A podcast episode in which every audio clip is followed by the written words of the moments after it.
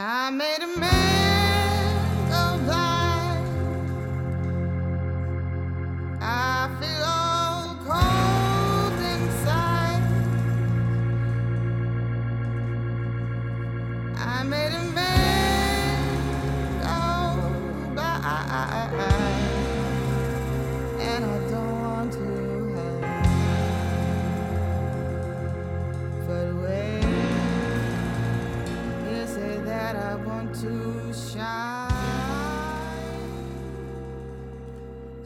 Góðan daginn. Eða hlusta á Haldurleiði blindan án hins þáttastjórnandans. Og það er gaman að segja frá því að hann Sigurður, maðurinn minn, hann er ekki með í dag af því að hann, bara nennir ekki að hafa skoðanir á þessu. Þetta er bara alltaf mikið svona girl talk sem að ég og Fanny erum að fara þinn út í og bara alltaf djúpir hlutir og hann er bara svona einfaldur maður og fíla bara svona einfaldur hluti. Þannig hann er heima í tölvunni. En hinga til minni komin Fanny Sigurðardóttir. Hæ, hæ, hæ, gaman að koma. Ég er rosa montin. Ég er búin að vera mjög spennt að hitta það þig. Aðalega bara að hitta þig, sko. Já, Af því að við náttúrulega erum búin að setja, hérna síðan öruglega, hvað erum búin að setja núna í einn og hálf tíma eða eitthvað fyrir upptöku. Og ég er búin að vera hérna að spyrja þig spjörunum úr og lesa fyrir þig og... já, þú komst inn með stjörnukort fyrir mig Já, og bara eitthvað ert að fæða egoðið innra með mér. ég veit að þetta er er er eiginlega vandræðilegt, sko. En svona er þetta bara. Já, þú, þetta er þín vinna, bóstalega. Ég man að Mhm. þú spurði mig, hvað ertu fætt, klukkan hvað og hvenar? Og Já. hvað gerur svo? Bara eitthvað svona, drululu, stimplar þetta inn í forrið eða ertu með eitthvað svona í höstum að þér? Nei, svo bara, ég bara er ég með svona reiknivél og reiknað út og, og svo bara hérna túlka ég, eða ekki túlka, þú veist, þetta er náttúrulega bara fyrirfram skilgrend speki, þannig að þú veist, massi nöyti þýðir alltaf bara eitthvað ákveðið, þannig að ég er svona, já, þannig virkar það, sko. Er eins og með þann part, stjörnuspekina. Mhm. Þú setur það inn í og færð niðurstöðu bara eins og það væri bara eitthvað vísindi og eitthvað formúla sem er Mhm. reiknið og út frá því talari. Já. En svo ertu með þína eigin svona náðargáfur. Já, já, já, og svo er ég líka, nota ég líka hérna uh, miðlunina með, ég er eiginlega mest, ég, not, ég myndi segja að því sem ég gerir myndi ég segja að miðlunin væri uh, það sem ég gerir mest af, að því ég nota líka miðlun með kortinu sko, það er svona kannski sé ég eitthvað sem ég er ósamála út frá nefninni og kemur það inn í svona, fyrir bara svona dýbri skilning eða svona, já, eða svona að veita kannski meiri upplýsingar. Þegar ég hugsa miðild að hugsa ég manneskul stendur með ringi kringu sig og er að að tala við dáið fólk. Já, svona, eins og svona skigni skigni, Já, Lýsing. svona, ég sé allt lífið eins og það gerist í bíómynd. Svo líf mitt er svona einn stóri bíómynd og ég hef alltaf búin að stereotypin af öllu að þegar einhverju að veist, að þú varst eitthvað hérna, já, ég sé, þetta koma til mín og við erum nú búin að tala nokkuð mikið í síman. Mhm. Við ætlum bara aðeins að spjalla þarna fyrst og gott ef þetta voru ekki tveir, þrjú tímar. já, að við bara eitthvað að spjalla um stjörninsbyggi já. Og þarna ég bara fórst að, þú ætti að fórst að tala um bara, já, það kemur þetta til mín, einhver sveitastelpa. Og svo fórst eitthvað að lýsa mér ég alveg, emitt, emitt og fórst að lýsa hárunum mínu og hvernig það er þetta um allt og, og ég eitthvað, já, ok. Þú, vil líka bara flett mynda mér upp á Instagram sko. Og ég hugsaði bara ok, hún er bara með mynda mér fyrir fram að sig. Og svo fórst að tala um eitthvað úr æskunni minni og ég er eitthvað viti, hvað, hver, hver komstu í þetta efni? sko, hérna málið ennabla að ef ég myndi fara á Instagramið þitt um, þá myndi það ruggla mig. Af því að þá myndi ég sjá þig og fara að skoða þig og gera mig fyrirfram einhverjar skilgrindar hugmyndir eða fyrirfram hugmyndir um hver þú ert og það myndi það ruggla miðlunina, þú veist, af því þá var ég kannski með það sem ég ímynda mér um þig Já, og pluss það sem er að koma. Þannig að það er best fyrir mig að vita ekkert þú veist, þeir sem eru uh, Þú samt skelltir í follow fyrir lengur síðan. En þú er bara ekkert búin að vera að fylgjast með mér. Nei, ég er eiginlega aldrei inn á Instagram eða inn á Facebook eða lesfréttir eða neitt sko hérna um, fyrir utan bara að posta sjálf sko. Já, veist að ég er nefnilega svolítið sig um svipaða hluti. Já, mér og sumir eru kannski bara miðlarar og sumir eru hérna neytendur, þú veist, það er alltaf læg. Ég, ég, ég elska að spjalla og svona, en svo er alltaf bara, já, ertu búin að fylgjast með hérna hvað þessi var að setja á Instagram, ég held að Nip. og ég bara, ég gleymi að Mhm, þetta sé bara málið.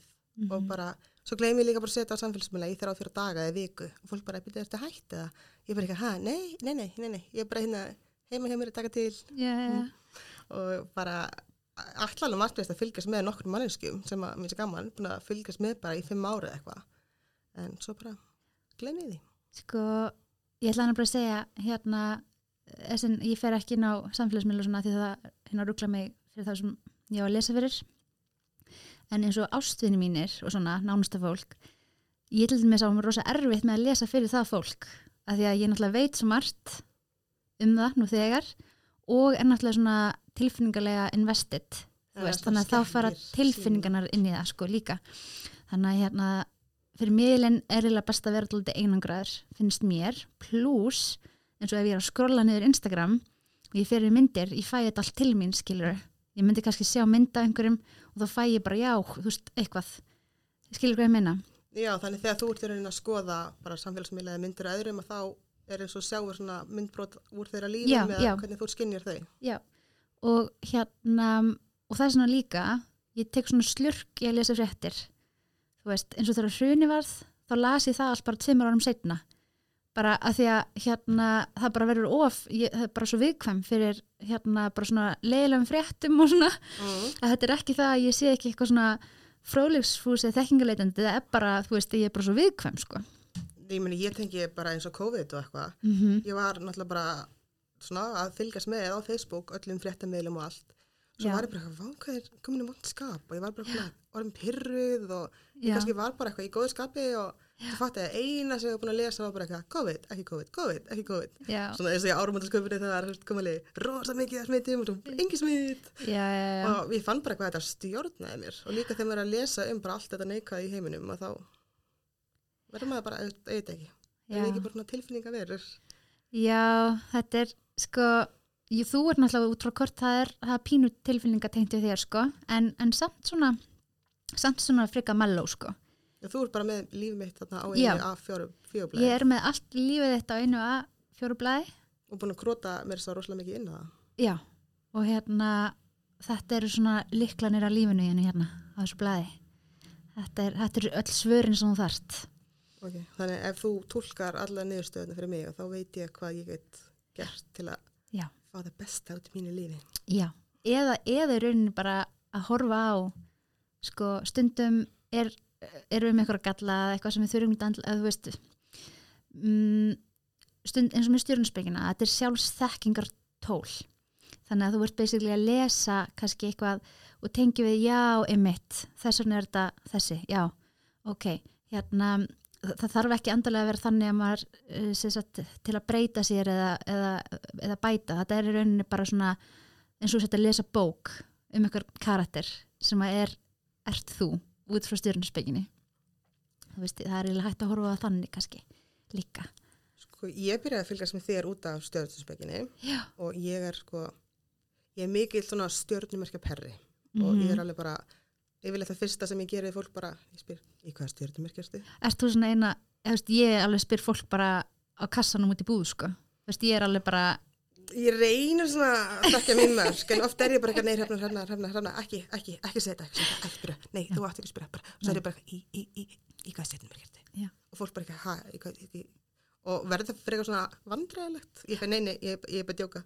En ég reynir frekar að nota þetta í svona ef ég er að fara að vinna með einhverju fólki að einhverju verkefni eða já, er í sama rými eða þetta er svona icebreaker fyrir mig að, ég er svona, mér finnst gaman að lesa mig til um hvernig stjórnumerkin eru og, og líka oft bara ef ég hef ekkert að tala um og langar að tala um eitthvað þá bara eitthvað, ég var, ég var með svon minn í aðleginu leikskóla í fyrra.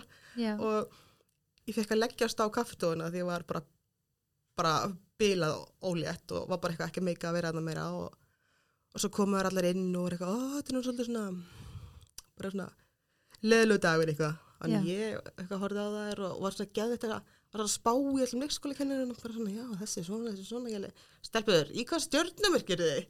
bara misti þetta út í mér láðan eitthvað á starfsmannasófunum það er eitthvað, ha og þá eitthvað misti ein út í sér eitthvað hvað hún væri og, og þá byrja ég að koma með svona stereotypist eitthvað og þetta Já. var orðið bara svona uppistand Já, þú ert náttúrulega skemmtikraftur, ljónið, sko. Já, og svo fór þetta bara eitthvað, gerði vinnuna, gerði vinnuna, ég, er vassberi, ég, já, uh, þú ert halvur Mikki Mús og halvur Einstein. Já. já, já, já. Algjörlega, þetta er ísbröður, sko. Þetta er nefnilega ísbrjótur og þetta er ekkert endilega heilagur sannleikur en fyrir þá sem hafa gaman að þessu þá er þetta, maður verður mjög gaman. Svo líka er ég svo, hérna, ég er svo alveg, ég get, hérna, ég get alveg mist mér í mitt svona heimsbyggilegum pælingum með hérna manninu mínum sem er bómaður.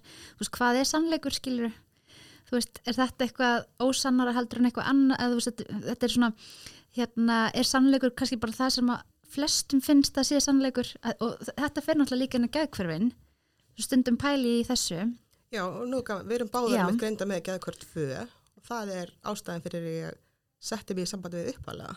Já, Og ég komst bara því þegar ég fór að fylgja þér á, á Instagram og svo varst alltaf að tala um Facebook líka en ég fór að fylgja þér þar, þú veist með mm. -hmm. fannig, stjórnumspeki og svo fórstu svo mikið að tala um bara þegar þú fórst niður og þegar ég byrjaði á samfélagsmiðin 2015 og þá fór ég að því að ég var í endurhæfingu vegna Mhm. geðkvarfa og ætlaði að reyna að finna mín skref, hvað við gæti gert til að ég, ég var eiginlega bara að reyna að finna mig. Ég var svolítið bara svona ok, ég er búin að prófa allt og, og ég er búin að prófa þessa leið og þessa og hvernig hann að ganga, mjög illa.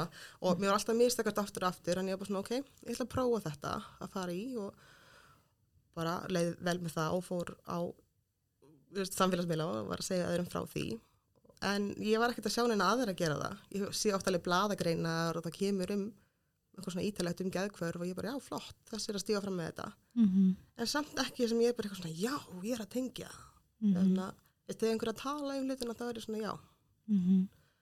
þannig að ég mér fannst þetta alveg vera aðdánavert í þínu fari að þegar þú ert hvað veikust að þá minnur á þig og ég hef sagt þetta við við höfum talað saman, mér finnst þú ekki vera að minna á þig eitthvað, já, er ég er þetta með rekstur sem að ég vil ekki tapa mínu viðskiptavinum Mhm. að það er ekki svona væpis í fæði, heldur ertu meira bara ok, klárlega viltu bara vera trygg því fólki sem að er að fylgjast með þér og gefa sér þinn, uh, Mhm. gefa sér, nei, gefa þér þinn Já. tíma, oh my god, þetta er orðabröður, allan, já og meira bara svona að segja þeim ok, núna líður mér frekar illa og svo ferðu það bara frekar djúft í hvernig þeirra líður illa Mhm. ekki þannig að maður vorkenni þeir eða fá eitthvað svona æg og hún er upplega erfitt heldur meira Mhm. svona, vá drullig góð bara að segja frá hvernig lífið er Mhm. og ég tengdi svo mikið að þetta var svo hrátt og þetta var bara til að upplýsa aðra en líka bara til að segja fólki bara gefa mér smástund, ég kem tilbaka Mhm. Þú veist, hvort það er nokkur dagar eða nokkra vikur Sko þetta pínlítið tengist sko egoun mínu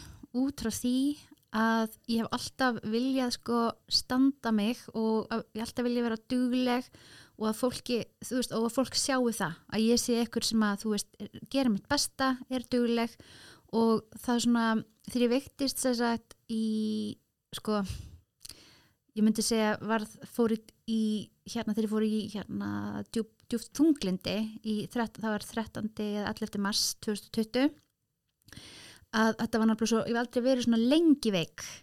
Þannig að ég vildi ekki að fólk myndi halda að ég einhvern veginn bara hafði bara hætt eða væri alveg sama eða engin, ekki lengur áhuga. Ég vildi bara að, sagt, útskýra mig daldið eða þannig að það myndi skilja að ég er ekki bara eitthvað veik. Ég er alveg bara veik, veik. Og þess vegna hef ég farið svona djúft inn í það. Þú veist að hérna á þann hátt sem að kannski kannski ekkit margir hafa gert um, Kitty hefur náttúrulega mikið eða sérst, Kitty vinnur minn sem Já, að þú ætlar kannski að fá líka í vital Já, hann ætlar einmitt að koma í Já, þátt. hann skrifa bókum sérst, bókina manjurunir og hann fjallar rosa mikið um manjur en hérna ég ég hef verið að tala svolítið mikið um hérna djúpidalina og, og bara, þú veist mér langar svo að fólk skilji mig. Það er svona mitt helsta í lífinu svona þeng, en að tengt egoinu mínu að fólk skilji þú veist hvað þetta er og þess vegna finnst mér svo indislegt að hitta eitthvað eins og þig og setja fyrir fram að þig og finna bara, hún veit nákvæmlega um hvað ég er að tala. Hún veit tilfinninguna að þessi veikindi, jú, þau eru misjöfn eftir fólki en það er samt þetta essence hvernig ég er að fara í manjuna, hvernig ég er að finna þetta ecstasy, bara ég sé og ég horfa á þig ég veit að þú veist það. Þú veist, þetta er bara eins og sama að þú ert með tvo aðlega sem að upplifa kokainröss þeir vita hvaða áhrif þetta hefur á tilfinningakerfið þú veist, þetta er svona eitthvað, að eiga eitthvað sameiginlegt með öðrum og, og svona, já. Það sem að ég finn svona, já okkur báði verið með þörfin fyrir að hafa tilgang. Að ég hef upplegað þetta alla tíð að ég hef svo mikið metnað og mér langar að taka pláss og, og finnst gaman að vera kringu fólk og hef státum að því að vera dugleg og já, já, það bara er alveg þannig sko. Og ég var bara já það er kostur að vera dugleg og bara af gamla skólanum dugleg. Já, já, og svo fór ég bara svona pínu bara vá, er það í alveg bara dugð að vera fyrir mér hérna áður fyrir þá vann ég 12 til 16 tíma á dag og ég var rosalega mikið bara fyrir að sapna pening og gera og ég gerði hlutina bara mjög íkt ekki að því að ég er með geðkvör heldur bara ég er þannig manneskja. Mér er svo óbúslega gaman að fara all in og, og það var svona minn dugnaðir og ég þreif svolítið í því að ég gat þó allavega unnið.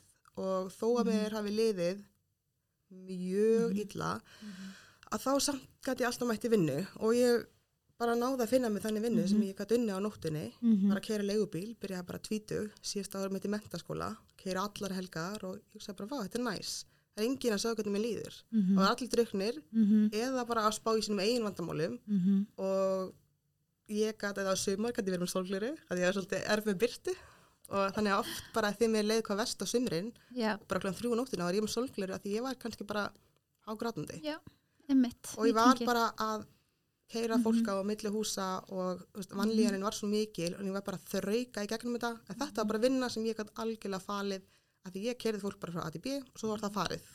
Vistu það, þetta er, þetta er eitt af þessu sem að mér finnst svo mikið átt í lífinu að átta sig á að allavega að ég hef átta mig á og það er þetta að virkilega skilja það að lífið er ekki svona svart og hvitt og ég myndi segja að harkan hafi komið mér alveg langt í lífinu en á sama tíma líka uh, eðrægt fyrir mér.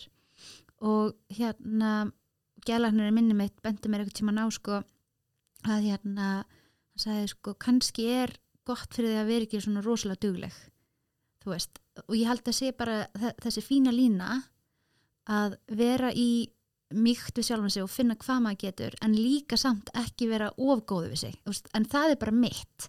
Og þannig lifi ég af og svo er annað í þessu veist, hvernig skilgrunur eru dugnað skilur í þessu tilfelli eins og lýsir þessu fyrir mér er þetta svona eitthvað veist, þetta er bara eitthvað brjálæði Já, veist. enda er þetta ekki mín skilgræning á, ef ég hitti einhverja manneski dag, hún bara, já, ég, já, ég á þrjú börn og ég vinn hérna 85 tíma viku og fyrir rættin okkur í mótni og ég er bara svona, ægi, má ég knúsa þig? Já, en svo er líka bara, þú veist, sumir kannski bara höndla það alveg. Þú veist, við þurfum dálítið að taka út frá sjálfum okkur.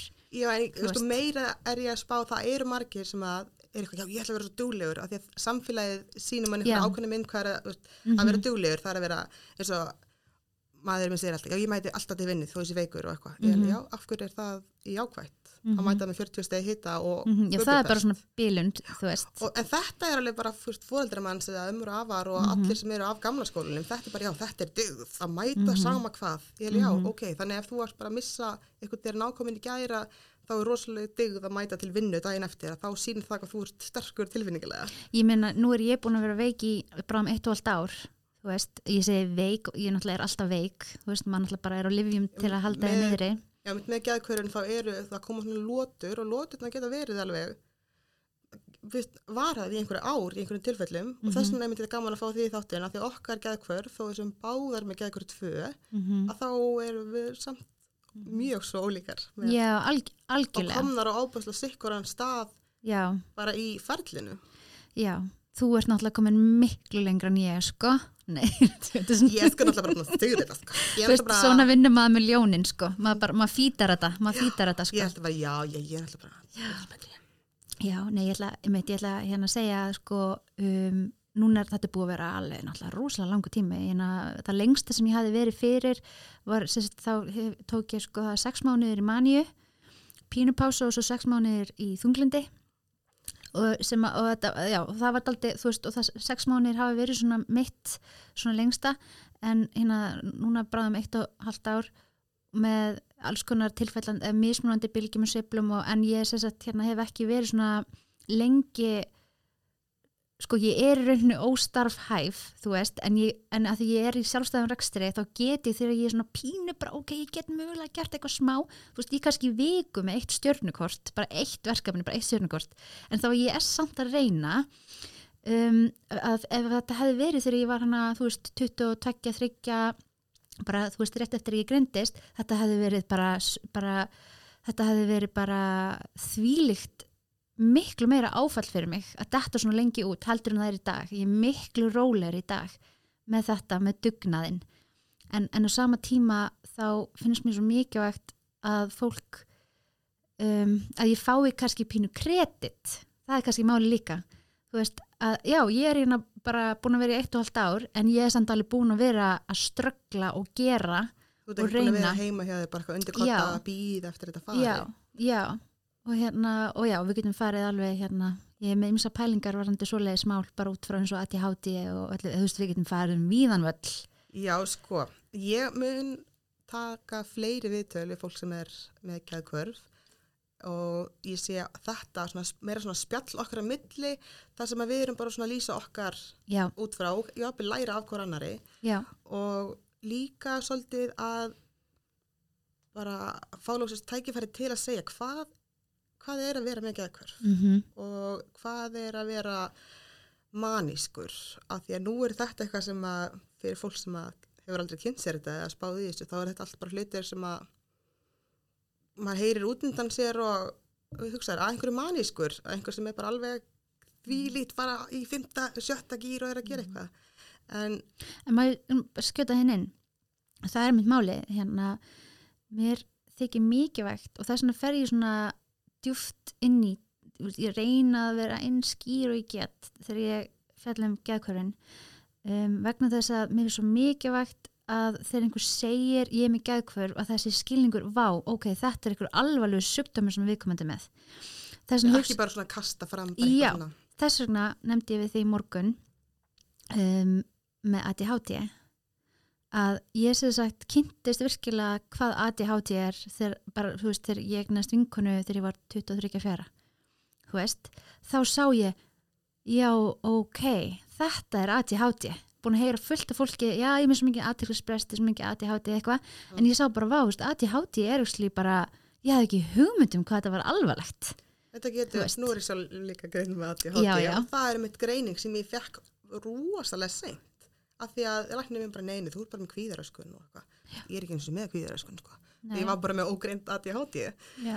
Þannig að uh, já, þetta er svona veist, þetta er rosalega hamlandi finnst mér ADHD ef ég til dæmis, Já. þú varst að reyna að talaði með morgun áður en tók lifi mín mm og ég var bara eitthvað svona ég, ég, Já, þú gafst mér ranga sko, upplýsingar um fæ, fæðingadægiðin og ég bara, hvað, hún er ekkit vasperi hvert er reyna að verða eitthvað vasperi hérna fyrir nýju Já, nákvæmlega, ég sendi þér bara eitthvað 28 0186 en veist ég er 28 07 sem sagt, Já, fætt já. 28. júli og þetta er einmitt eitthvað sem ég tengi við ekki það ég ætla að fara eitthvað að Nei, með nei, nei. ADHD en nú er þú útskrifaður mm viðstafræðingur og Mhm. ég er ekki útskrifaður hagfræðingur Nei, en ég á, ég get svarað að ég á svo lítið eftir ég Já. elska hagfræði að það er valla ein önn en ég hef fallið og ég vil líka bara ekki klára námskeið en ég hef fallið á prófum sem ég kunni upp á tíu mm og svo fer ég að skoða prófin eftir á og ég er Mhm. bara hvernig -hmm. og þá eru villutin ekki það að ég hafi ekki kunna dæmin, heldur Mhm. ég setti einn í staðin fyrir sjö. Já, en sérðu hvað það er mikilvægt að þegar þú talar við kennara eða talar, eða útskýrir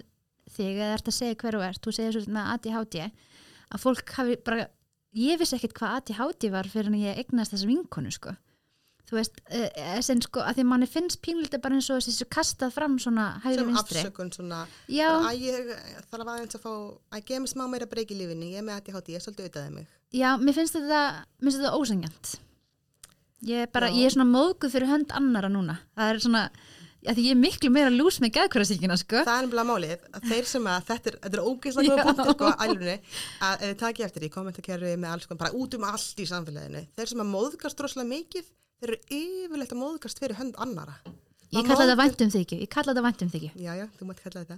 En þú veist, mér finnst það fyndið sko að því yfirleitt er ykkur að berjast fyrir litla máninum Já. eitthvað sem er ekkert þér tengt en Mhm. það klárlega kemur frá fallegum stað. Oft eitthvað, já, ég er móðguð. Eitthvað, já, ok, erst þú með geggverð? Nei, eitthvað, ok, takk fyrir. Já ég, veit, ég veit það, ég veit, ég er alveg meðvitið um þetta. Nei, ég er ekki að dyrsa þetta, ég er að segja, þetta er bara máli Já, að oft einhvern veginn maður sér einhvern veginn, fólk er að berjast fyrir ykkur sem að, kannski ég er að ganga í gegnum, ekkert að því að er að berjast fyrir mér, Já. en ég er svona, þarft ekki að taka þessa baráttu fyrir mig, þetta er Nei. ekkert mál og, ég veit, ég veit og líka bara er eitthvað meðvirkni ég- sko. má ég segja geðhver, má ég segja geðhver síki, ég er bara, þetta er allt viðkjönd, Já, sumir verða ótrúlega múðgæði með einhverja ákveðar setningu og ég er bara svona, akkur, að- lífið er svo stutt til að múðgast yfir öllu, ég er svona, hvernig, hvernig hefur orku í það, hvernig nennur þessu? Já, en ég, ég ætla að segja ég er svona pínlítið kannski að meina að þegar þú að þegar þú ferð í próf sem þú kannt upp á tíu skilur og þú gerir eitthvað villur sem eru augljóslega bara þú veist, eitthvað algjört bara r- rugl, að því að þetta ADHD er náttúrulega hefur gífulega áhrif á heilan og breytir heilastarseminniðinni þannig að þú ert í prófi með eitthvað skerðingu á heilastarseminni þú veist, það er bara gerast. Það sem að mér þykir bara væntum ef að, ef að fólk myndi kannski eins og kennari eða eitthvað sem að þú veist bara hafast að falli í þessu að þú myndi segja já þú veist ég er með hérna svona heilaskerningu þú veist ég er með hérna ADHD að fólk verður svona þú veist tækið því alveg alvarlega þú veist það er það sem ég er að meina hefði fullkomna skilning á hvað það Já. er að vera með HDHD. já ekki að það væri bara eitthvað svona já ok whatever skilur Að Því þetta er ekki það, minna mitt eins og ég var að segja fyrir þér áðan, ok, við ætlum ekki að fara út í ADHD, Nei. nú erum við bara komin inn á sko, máli er, ég var bara búin að segja, ég var búin að hrefnu við. Ég er náttúrulega svo mikill spyrill, mér er svo gaman, náttúrulega mitt starf fælst í því að ég er alltaf að skoða aðra og hlusta á aðra og svona. Ég sagði hann að passa þið, sko, því að ég fyrir örgulega að taka stjórnina, sko, og þessi byrja þig. Nei, nei, eins og ég var að ringdi í gær, bara var að spyrja um þig, viltu segja mér eitthvað um þig, að því þú ert alltaf að koma sem fannig, stjórnuspekingur og fólk rosa mikið, mikið vit alltaf um sig út frá stjórnuspekinni og náttúrulega það vilja allir heyra um hvernig, hvernig sér þú mig Já, nákvæmlega. og, og ég meina mér finnst mjög gaman og ég var mjög flettur og þú bara eiginlega pínur svona takk fyrir, þú komst með stjórnumkorti en ég er samt bara svona, en hver er þú? Vilt þú ekki líka fá? En þannig við ákveðum bara svona, ok, við skulum bara vera saman Já, já, ymmit, það er, þetta er fyndið, sko, afslunar. En byrju, við vorum, hvað allir, já, já, já, ég er búin að snúa þessu viðtali, sko, upp í ADHD greininguna þína, Já, en, þú ætlaði sérst að tala um geðkvörf við mig. Já, já, Já. við erum bara komin á skrið. En það sem ég langa, það sem ég sagði við þig, að þegar ég hef tekið mig pásu á ADHD-lifunum, Mhm. sem að ég bara stundum prófa að gera og átta mig síðan á að það er bara ekki málið, Það, já, að þá er þetta ekkert eitthvað, ó, ég er rosalega auðvitaðið mig eða eitthvað þannig, Nei. heldur um, að mér líður eins og ég sé fjagur ára krakki í aðstæðum sem ég höndl ekki já, að heili minn vinnur ekki úr, þú ert jafnvel, ert að segja eitthvað við mig, mhm, ef þú verður að tala um mig núna, mhm, þá já, væri ég svona heila þóka yfir mér mhm, og, ég er, og, og það kemur þessu upplifin, ég er náttúrulega núna er ég bara á mínum livjum og get hugsað skýrt og verð að vera allt svo rólegt í heilanum að vera að vera já, og ég get bara sagt þér hvað ég er að hugsa en alla jafna getur verið að spyrja mig og um geðkvörf og ég væri bara svona, vá, ég mann það ekki.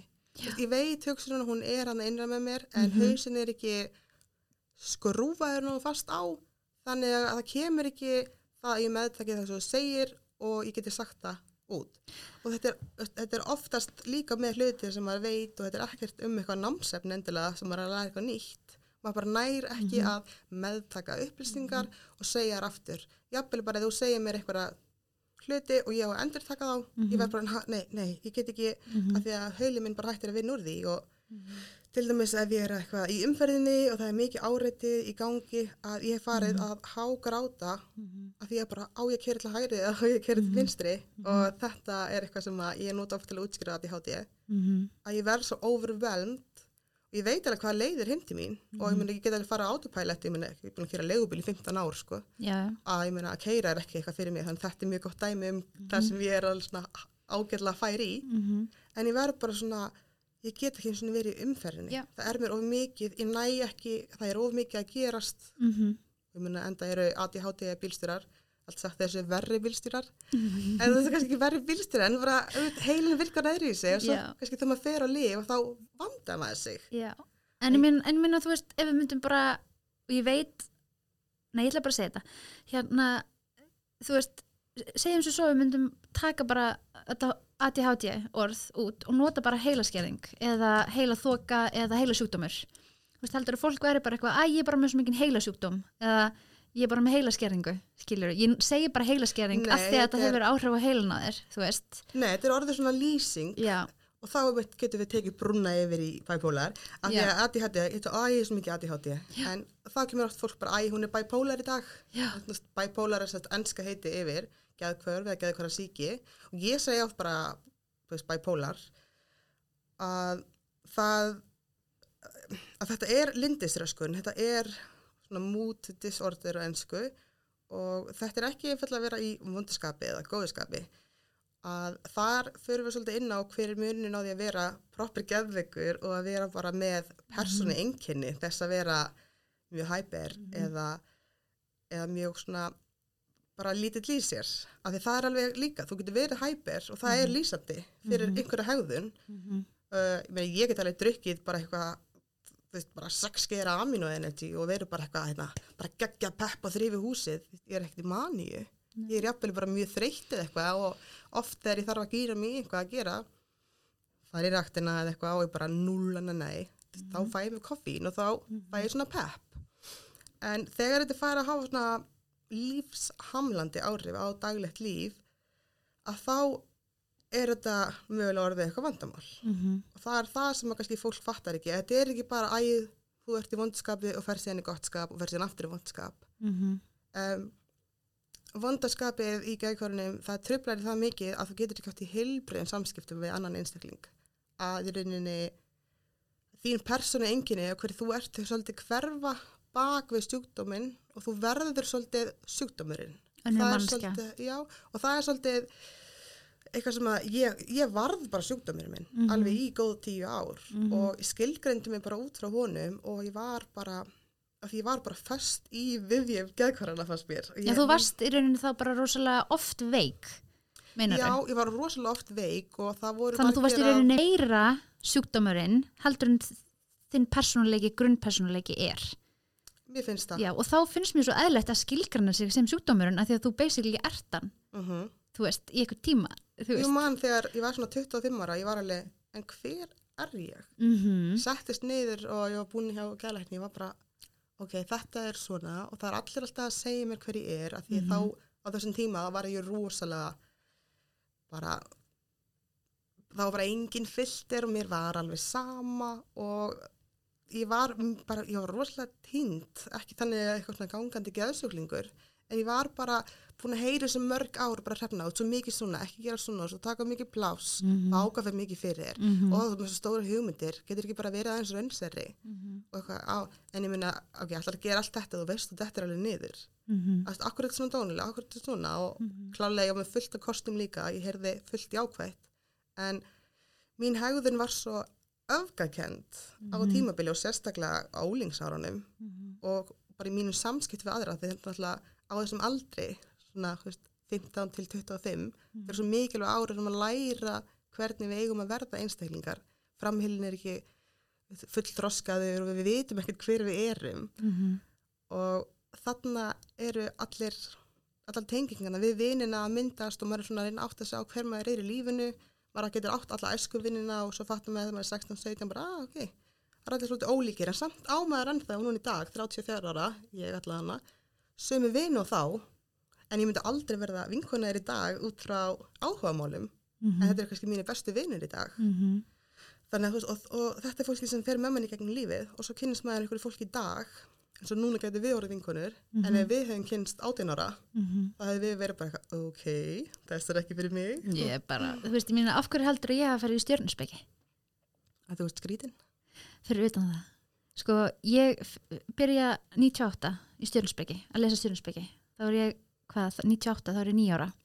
Nýjára, já, á nýjunda ári. þú veist fætt 1989 og hérna ég fer sér satt í stjörnusbyggi til þess að reyna að finna út hver ég er af því að ég var svo confused sem krakki, Þú veist, ég byrja að finna enginin sko fyrstu sjálfsmús hugsaninnar og, og sínir um það, hérna byrja að koma um, um sama leit og ég byrja að skoða stjörnusbyggi þannig að hérna stjörnusbyggin, hún, ég þurfti svo mikið að vita af því að, þú veist, að því að maður er hérna, það er svo mikið persónleika breyting á manni, þú veist, það er hérna maður er kjarnin sinn, það sem maður er, þar maður fæðist sálinn, þú veist, alveg svona kjarnin, svo er maður þunglindið sem er náttúrulega bara eitthvað allt annað að því ég er líka bæði vegi rosalega cheerful og bjarst sína eðlisfari. Þannig að þunglindið það er, hérna, er rosalega ólíkt hver ég er veist, og svo er það manjan sem er náttúrulega bara gjössanlega bara, þú veist, fyrir utan öll mörg, þú veist og, og hérna það sem að fylgi því. Þannig að mér fannst að það er alltaf þetta er svona eins og þrýr persónulegar þú veist, og svo var ég bara, já ég er fiskur ok, þá er ég þannig og ég hjálp bara í þetta bara, þú veist, hérna, og gerist alveg ennþá sko, En bara hver, til að hafa eitthvað identity sko en hver er samt hættan að því að núna kemur læknisfræðin Já. í svona kottu með það, læknisfræðinám, já, kottu já. með það Nei, að því að nú, til dæmis, að maður er alltaf að googla enginni sín. Að, meni, ég ger þetta mjög mikið, en ég fer alltaf á svona lækna síður og ég les lækna bækur og eitthvað svo leiðis. En Já. fólk almennt bara, já, herri, ég er bara með heilaæksli og fer til læknis, veist, en það er kannski bara með, þú veist, mm smá bíflugu, bíflugustungu eða eitthvað. Og þetta geti líka verið, að því ofta maður, maður les enginn, bara já, þetta passar, þetta passar. Mm. Hvernig er það með stjórnumerki? En að því að, mína, maður gæti svo sem alveg, þetta finna sig allir í öllum stjórnumerkjum. Að því þetta er Mm. eitthvað svona rökin sem ég heyr oft frá fólki þegar ég já, flegi fram hvað ég elska stjórnumerki og hvað mér finnst þau. ég ekki passa nei, ég myndi ekki segja það sko Að þá er þetta meira svona, já, þú lest fiskinn og þetta, svona á fiskurinn að vera og hvar liggja mörkin að þú ákveðir að þér finnist þú eiga að vera svona eða þú bara takir þessu það bókstæða að þú lifir eftir því. það er bara veit enginn. Þú veist, allavega ekki mín tilfelli vegna þess að ég náttúrulega var svo ung þegar ég byrjaði. Þannig að þetta hefur örugglega haft áhrif á mig þú veist, en ég er ekkert mikið svona eitthvað að velta því fyrir mér sko, ég vil bara vita hver ég er. Veist, ég vil bara vita að því að þú veist ekki hver þú ert hvernig áttu að taka áttu, þú veist, hver eru gildin þín og þú veist, hver ertu, hvað, allt þetta. Hérna, og þetta er svona pínlítið svona minn rauði þráður gegnum minn sjúkdóm er að vita, þú veist, hver er ég og hver er raunveruleikin og, og, og þess vegna verð ég að segja þér áðan með þú veist eins og hvað, hvað er satt hvað er sannleikur, er stjórnusbyggin okkur stjórnusbyggi ekki sannleikur þú veist, maður fyrir svona í ykkur stóra heimsbyggilega hérna mynd að þegar ég, ég hugsa sko ég upplifi eitthvað, þú veist en mín upplifun er ekki rétt vegna þess að flestir aðrir upplifi eitthvað annað En er það kannski bara ekki búið að staðfesta þessum sannleikana þegar ekki búið að rannsaka þetta ná? þú veist, það, get, það getur verið Er ekki sannleikur eitthvað sem hefur verið rannsakað af vísindamönnum og ég veit það ekki gengist eða þú veist, ég bara, ég, hérna, þetta er svo, þetta er svo góða pæ, eða, veist, æ, sorry, ás ekki, hérna, ég er hérna, nota svo mikið Þú þú hendurnar. ert að reyna að taka að plassi hérna og ég er fjæðrir, Já, já, já, gera góða orku. já, nei, hérna, nei, ég er bara stundum velt þessu fyrir mér, hérna, að því að við erum alltaf með viðmið, þú veist, í samfélaginu og þetta er alltaf svona fyrirfram skilgjönd viðmið um, sem að geta breyst. Þannig að, þú veist, eins og fyrir mörgum árum, ekki samt nógu mörgum, þú veist, þá voru hérna svartur og hvítir aðgrendir í Suðuríkjónum, í Bandaríkjónum. Það var bara sannleiku þá, þú veist.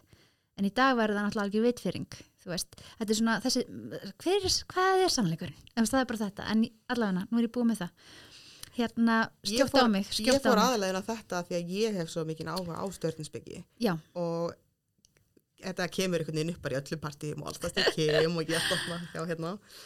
Að það, það kemur alltaf þessi hérna leðilegur ég er nú aldrei trúið stjörninsbyggi nú er bara ekki að kæfta það er bara eitthvað, ok, bye. Ég fæ það náttúrulega aldrei. Nei, kannski bara að fólk við þig. Vistu, ég fæ það aldrei. Ég held að segja því ég býð ekki upp, eða að því mér er alveg sam, eða ég bara svona, já, en ég býð upp á það já, ég býð ekki upp á það, sko. ok, Það lítur að vera það.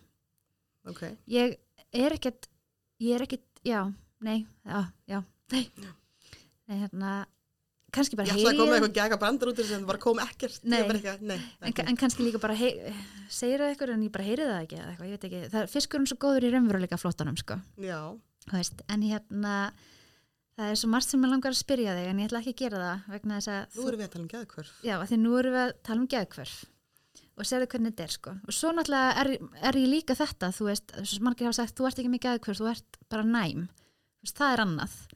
Færði það mjög mikið? Mm, ég fæði þetta aldrei frá fólki sem er í svona, þessum andlegu málum þú veist, en, en og það rugglega mig líka, skilur og svo er ég líka, þú veist, er þetta ránkumyndi eða er þetta nefni, þú veist þetta en þegar ég er í jafnvægi, þá er alveg aðgreining, sko, að þú veist, þetta er alltaf öðruvísi, hvernig ég sé það.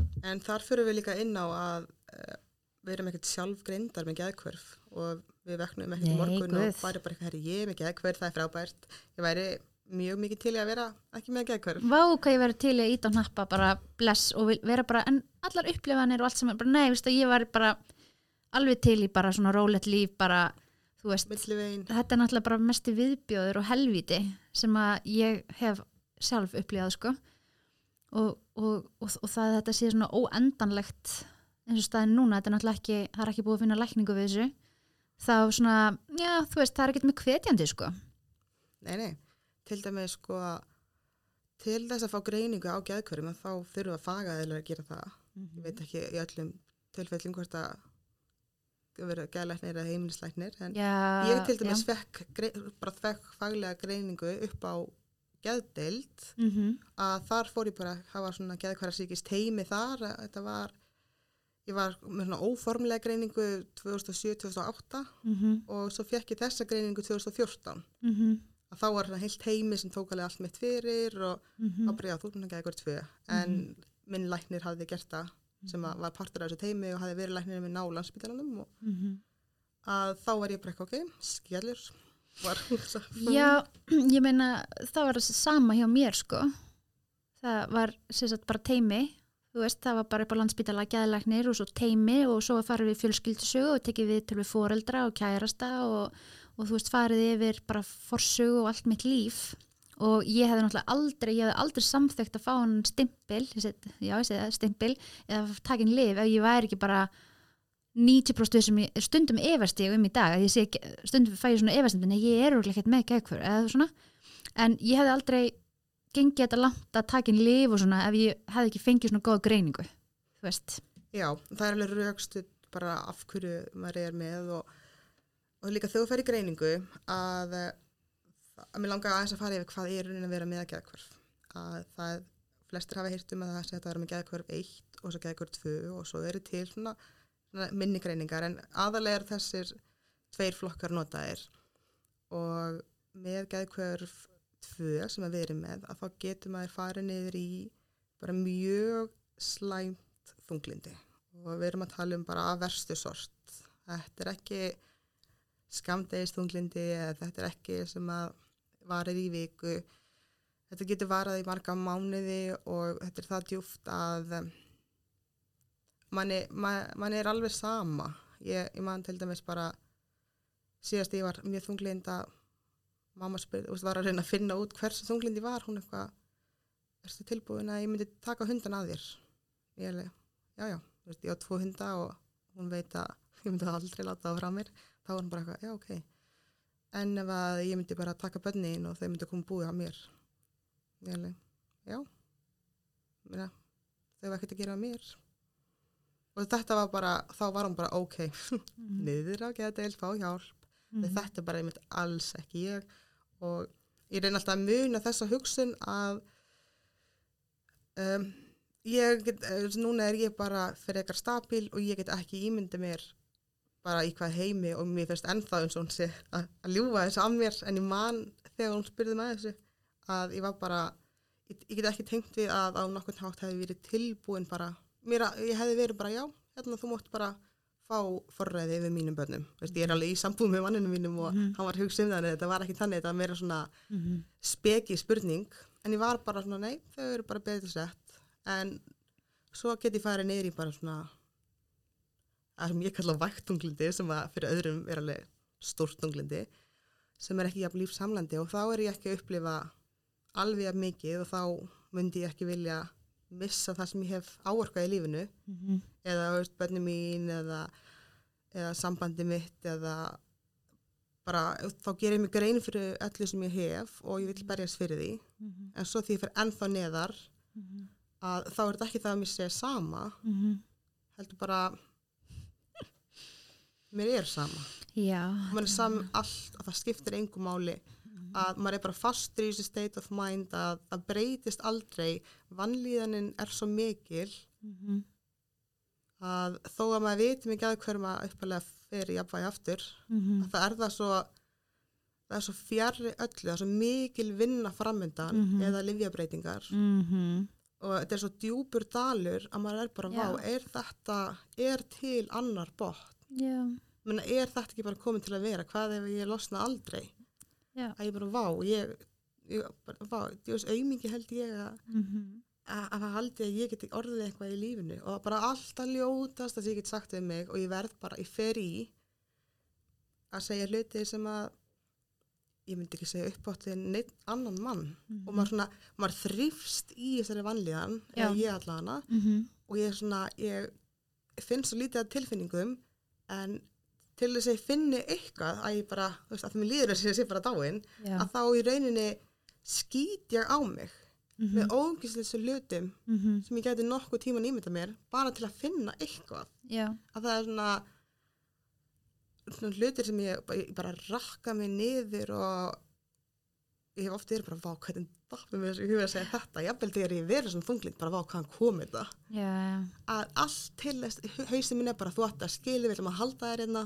Já, og bara dú, dú, dú, bara neglir á mig fullt af hugsunum. Bara svona til að halda mér í þessum stað að mér raunni að það er orðið mitt comfort zone. Að líða illa og ég vil ekki losna úr því mhm, og læti mig líða ennver mhm. að þetta verður svona, þetta er mjög Ok. okay. skrítið Þetta er náttúrulega svo gam, gaman, áhugavert að hérna, því að ég var að segja við í gær, um, þú veist eins og ég get verið að upplega ákveðin enginni eins og bara að ég heyri Guð tala í útarpinu, og síðan kannski get ég verið að lesa bók sem að einhver í Kína skrifaði um syngjaðkverf og það er bara nákvæmlega sama lýsing, heyri Guð í útarpinu, bara hvað er þetta með Guð í útarpinu og þú veist, þetta er greinlega bara eitthvað svona veikinda enginni, þú veist, þetta er alveg magnað, en á sama tíma uh, er líka svo áhugavert að heyra mismunandi upplifanir.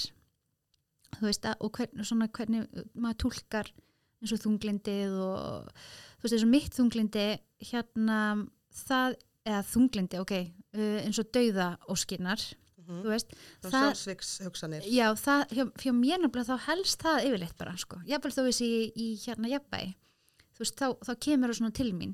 Já, ég er að- bara eiginlega flesta daga langað mig að deyja. Já, ok, þá erum við á sama stað með það. Þetta er einmitt, já, fyndi að komir inn á þetta því ég alveg bara frekar mikið haldið þessu fyrir mig að Já, ég ekki- tala rosalega opiskott um þetta og ég veit að fólki þykir það öruglega óþægilegt en ég geri það sem forvörn fyrir aðra og líka bara ef ég væri ekki að gera það þá væri miklu mér líkur á að ég væri actually að hugsa um að taka í líf, þú og líka að þetta eru hugsanir sem við mögulega erum með á hverjum degi Já, að við erum að normalisera þær ekki Mhm. til þess að já, við erum í raunin að gera þær að því fyrir okkur er þetta Mhm. normið og þetta er hvernig við hugsum og hvernig við Mhm. upplifum lífið og ég er oft bara, ég er að eiga svo góðan dag og bara í Mhm. afvægi Mhm. en ég er bara og ég er alltaf að hugsa, vá, langar mig að deyja þannig að enginn myndi fatta það eða langar mig að deyja þannig að þá skil ég alla eftir ég er alltaf bara að váka ég væri bara til að hverfa og ég myndi bara svona eyðast þannig að fjölskylda mín þyrfti ekki að gælda fyrir það og börnum mín hugsa.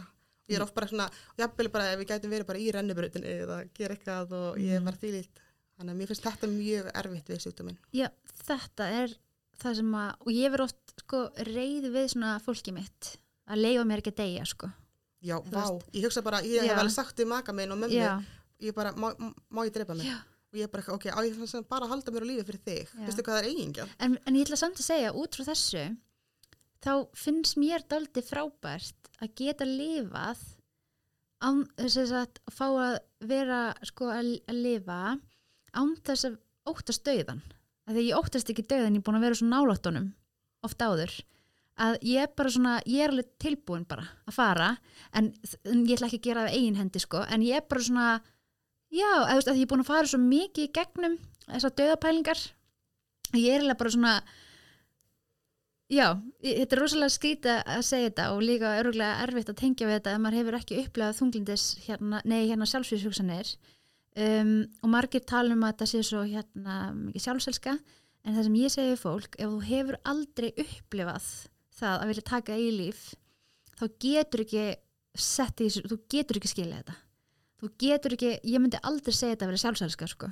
Sko ég tengi bara- alveg hart við þetta mm -hmm. af því ég veit ekki sko það sem kemur upp í huga minn á hverjum degi og ég er bara nýbúin að segja manninu mínum þetta að ég ég er alltaf óskæðis að ég degi bara í slisi já, ég líka. Og ég meina ég er ekki að segja akkurat, ég, ég meina þetta kemur ekki hverjum degi en þetta er 80% af tímanum. Já. og þetta er líka þegar ég er í jafnvægi já, að ég er stundum orðin bara svo langþreytt og ég finn það þegar ég hugsa að ég er bara svona ægi verið til að hverfa. Og mér langar einmitt ekki að falla fyrir eigin hendi og, og ég mun ekki gera það, ég ætla líka bara að taka það fram. Já, og já, annars hefði það tekist. Já, já, en ég er alltaf að óska bara, já, ég vil óska ef ég fer þetta ferðalega þá kannski degi í bílslýsi mhm. já ég, ég fæ það líka sko. svoleiðis. En svo að koma inn á hvað ég breyttist þegar ég egnaði spöld já, svo er það. Ég hræðist ekki dauðan nei, eða fara Mhm. eða ég finnst ekkert hræðilegt við það. Í mhm. rauninni bara finnst mér allt frekar já, ég, það já, ég er bara ég er bara, ég er bara sátt við allt sem að ég hef en gefið ég frá hef samt já. mikla lífsorku ég hef, ég hef mikla lífsgleði ég elska að lifa þannig að þess vegna líka kannski gaman að skrítið segja frá þessu fyrir aðra sem er að hlusta og eru bara eitthvað, what? Nei, þú lítið þá að vera þunglind núna. já, En nei, ég er rosalega lífsglið og ég er Já. jákvæð og ég elska að vera innan við fólk. En það er eitthvað svona djöfitt innra með mig sem er bara, væri til í þetta. en, En það sem að stoppa mig áður, það var mamma og maðurinn minn. En núna, að þá stoppa bönni mig. mhm, Af því að bönn eru bönn mhm. og svo setna meir veit að að ég er mikið að kurv og, og bara ef ég hugsa á þetta hvernig barn ég var að ég vil ekki dreipa mig, ég myndi jafnvel skilja eftir bref ef ég ætlaði að gera það, Mhm. en það myndi samt ég gæti ekki ímyndið með að það kæmi neitt barn stert út úr því. Það kæmi alltaf já, var ég og erfitt barn fór mamma út af mér. Heyrðu, m- Því ég ætlaði náttúrulega fyrir fara með hana eftir með fæðingarþunglindið sem Já. að á bara að vera heil þáttur. Já, að ég hugsa bara, nei að þá upplifi ég það er það eina sem ég upplifi að þá verða sjálfselska frá mér, mhm, ekki með að skilja sko einhverja ætninga mín eftir aðra en heldur börni mín. Ef ég er að skilja það eftir í heiminum með þá mögulega með það saktakend að þetta sé þeim að kenna og ég get aldrei verið til staðar og breytti mhm, að það, fæ, að það stoppa mig. Mhm, og þetta er tilfinning sem ég fekk aldrei áður. Mhm. og þetta verður alveg bara nei. Á, að þessu leitinu finn, að, fyrir mitt leiti finn ég þetta sem sjálfstelsku af því ég bara já, ég Já. ekki vilja skilja það eftir. Nei, nákvæmlega. Og ég er bara ég er mjög ána með það.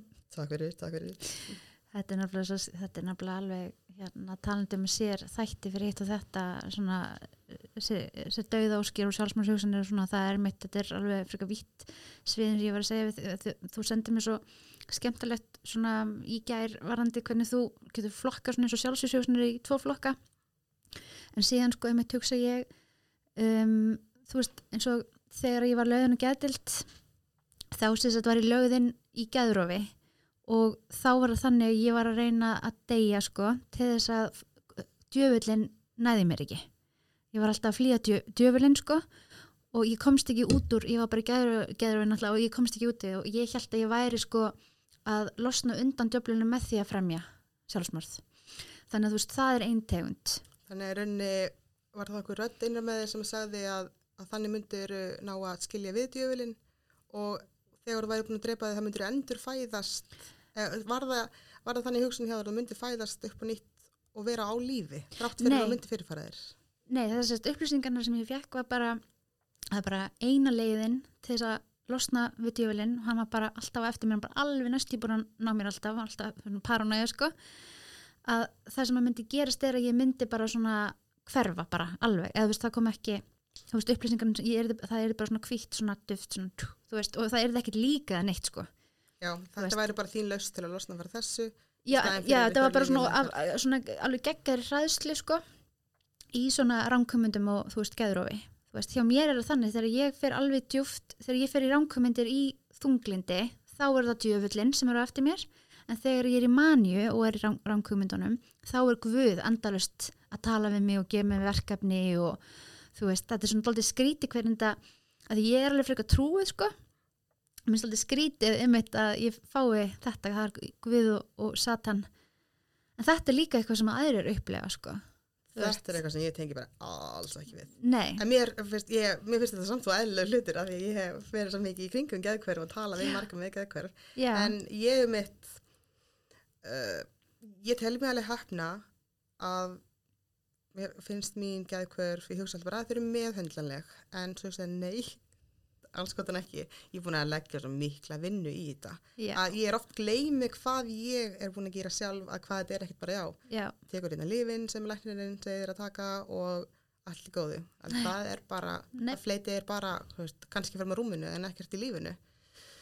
Þannig að ég fer alveg niður svona djúpa bara alveg hérna og, og fæ alveg svona einhverja rangkomindir eða, þú veist, skakka sín á hvernig lífið er og virkilega sé ekki eh, meira sé ekki að ég eigi að vera partur að því að lífið hjá, væri betra hjá öllum og mhm, ef ég myndi fara mm -hmm. að ég, ég væri svo mikill baggi og mhm. byrði já, og svo það ein tegund af sjálfsmárshugsunum en ég til dæmis fer ekki í svona manir eins og þú flokkar að ég fer í bara svona hýpomanjur sem að eru bara mikil allsæla og Mhm. það eru sko það er minka hjá mér með aldrinum. Vá, Og- ok, það, það er, já, ok. Og þess Þetta vegna sko ég hef svo mikið talað um minn gælækni og við erum bara orðna góðinkunur Mhm, og henni finnst ég spennandi sjúklingur. Að mér fannst á árunni svona 17 til 25 það var þetta bara hamlandi. Ég var bara út um allt. Ég var bara svona veist, eins og tási þarna í Looney Tunes. Já, veist, já. það var Tasmanian Devil. Og já leið þannig innan það var mitt uppvöld þannig að fígurum mín í svona teiknum með það.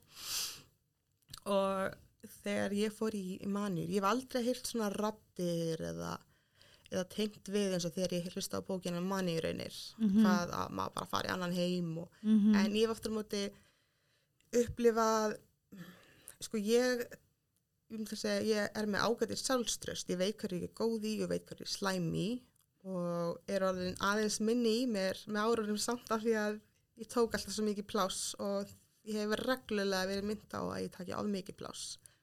Og það er farið að og ég áttaði mig mikið að því að við fórum til dæmis að tala saman. Mhm. þú varst bara að hrefna, þú mátt alveg hafa skoðanir.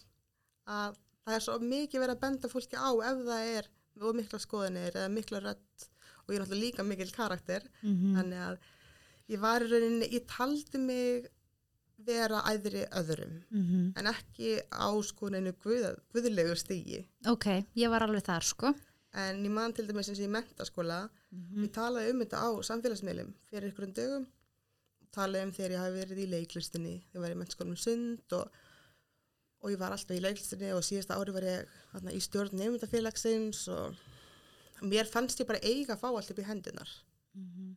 og ég vissi alveg að ég var ekkert góð leikona veist, ég er alveg góð að koma fram og ég er ekki feimin og Skýtsamilega svona?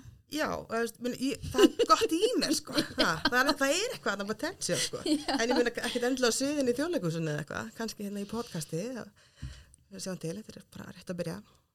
En ég var alltaf bara, já, ég er bara best og ég man það var svona inn í mér ég svona breyttist alveg á þessum árum, mm. -hmm. 17, 18 að ég var svo góða krakki ég var alltaf verið svo mikið svona þvílít almennileg við aðra og, en samt svona alltaf verið svona pínu svona, uh, svona denni dæmarissi svona En þetta er ég að tala um persónuleika breyting Já, en þarna einmitt kom mamma inn á að því ég er alltaf að tala um þetta aftur aftur að því ég, Mhm.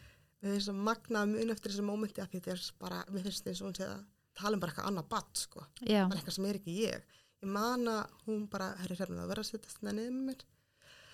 Og að því að nú var pappi minn mikill fíkill og, og áfengisjúklingur og, og kom ekkit alltaf vel fram við alla en, en samt alveg góð maður. Flesti sem minni gænd segir maður ekki það? Ég veit ekki, ég ætlaði nú ekki að koma inn á þetta. En að mamma var farin að hafa ágjur að ég myndi leiðast út í hans.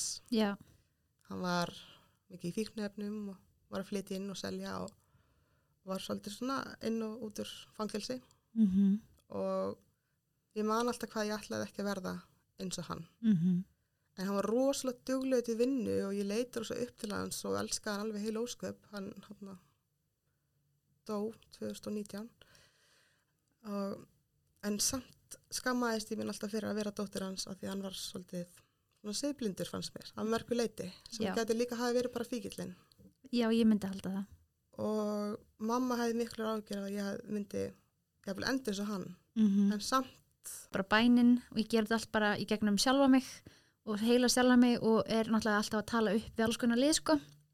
Það aðstöð þannig, þú veist. Það er raunin það sem ég er að tala um.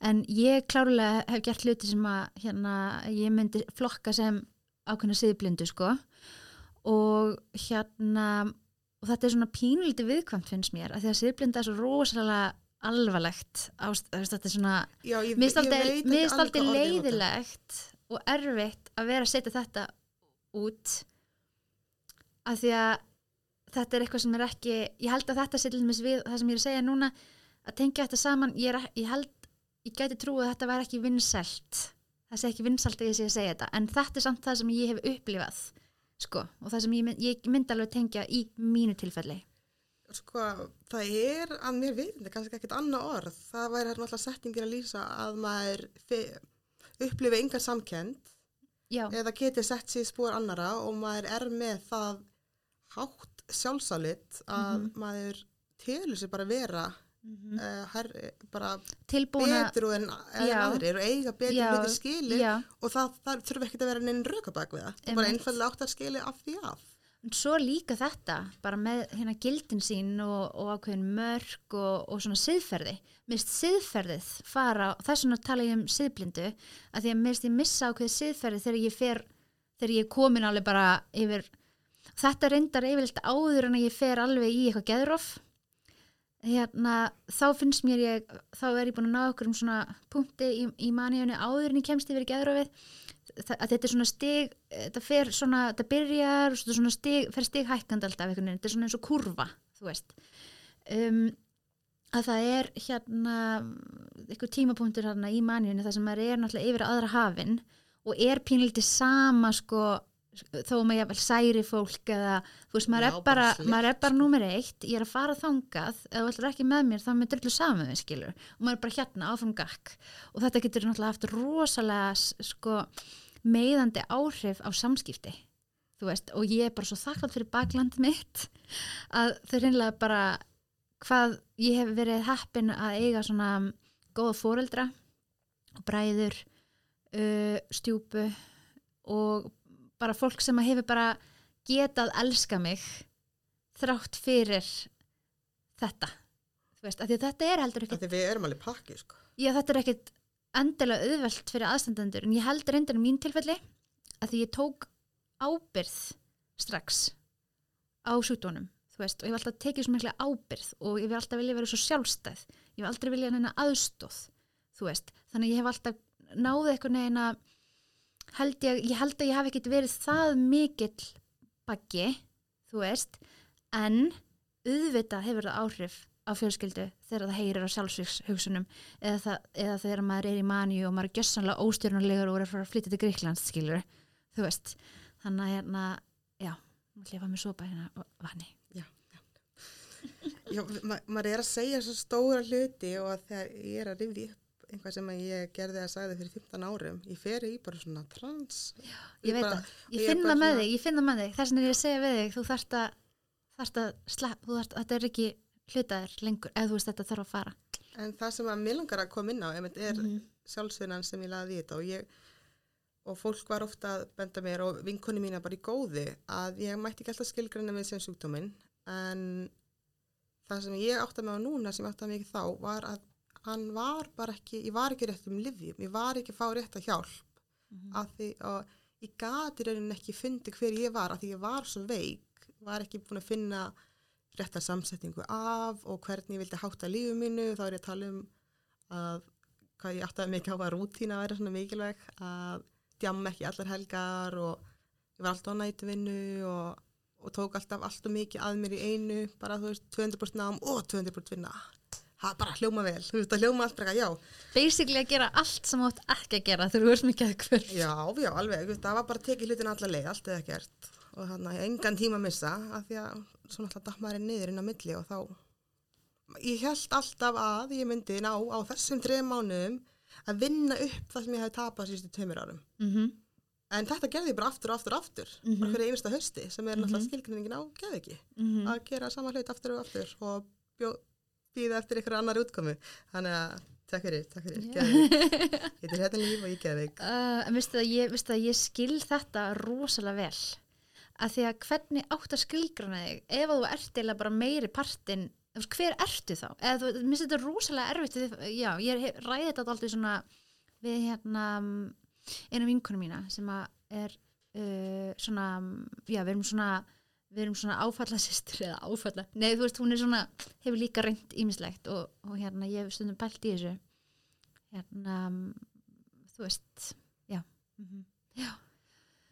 Mm, Flott sagði, já, já, flott, já. já, mm, já, þetta er eina þetta er rosalega stort, maður fer alveg hérna það er svo margt sem maður getur sagt. Maður er að velja svona Þetta er líka bara þegar maður veit ekkert hvernig maður vaknar daginn eftir að ég meina í góð tíu ár þá stjórnaði þetta bara einu öllu sem ég gerði.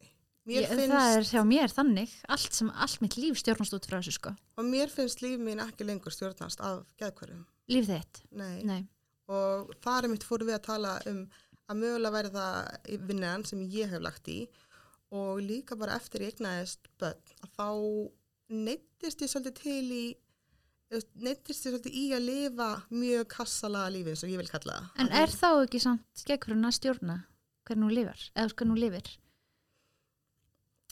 Sko ég hugsa, mér líður ekki eins og þess að stjórna mér af því að þau eru ekki að ángra mig í daglegu lífi. já, ég skil er ok þannig Mhm, að, en ég sko viss, ef ég myndi hætta að taka liðu mín mhm, og fara í eitthvað annað, ég geti alveg mist allan minn árangur. mhm. Þannig að ég, ég hef aldrei verið eitthvað svona, ég hef oft hugst að bara eitthvað, já, núna ég kannski hætti að lifinu, ég er búin að ná bara að bata, ha, núna lifum við þetta vel, kannski bara er ég búin að lækna mig.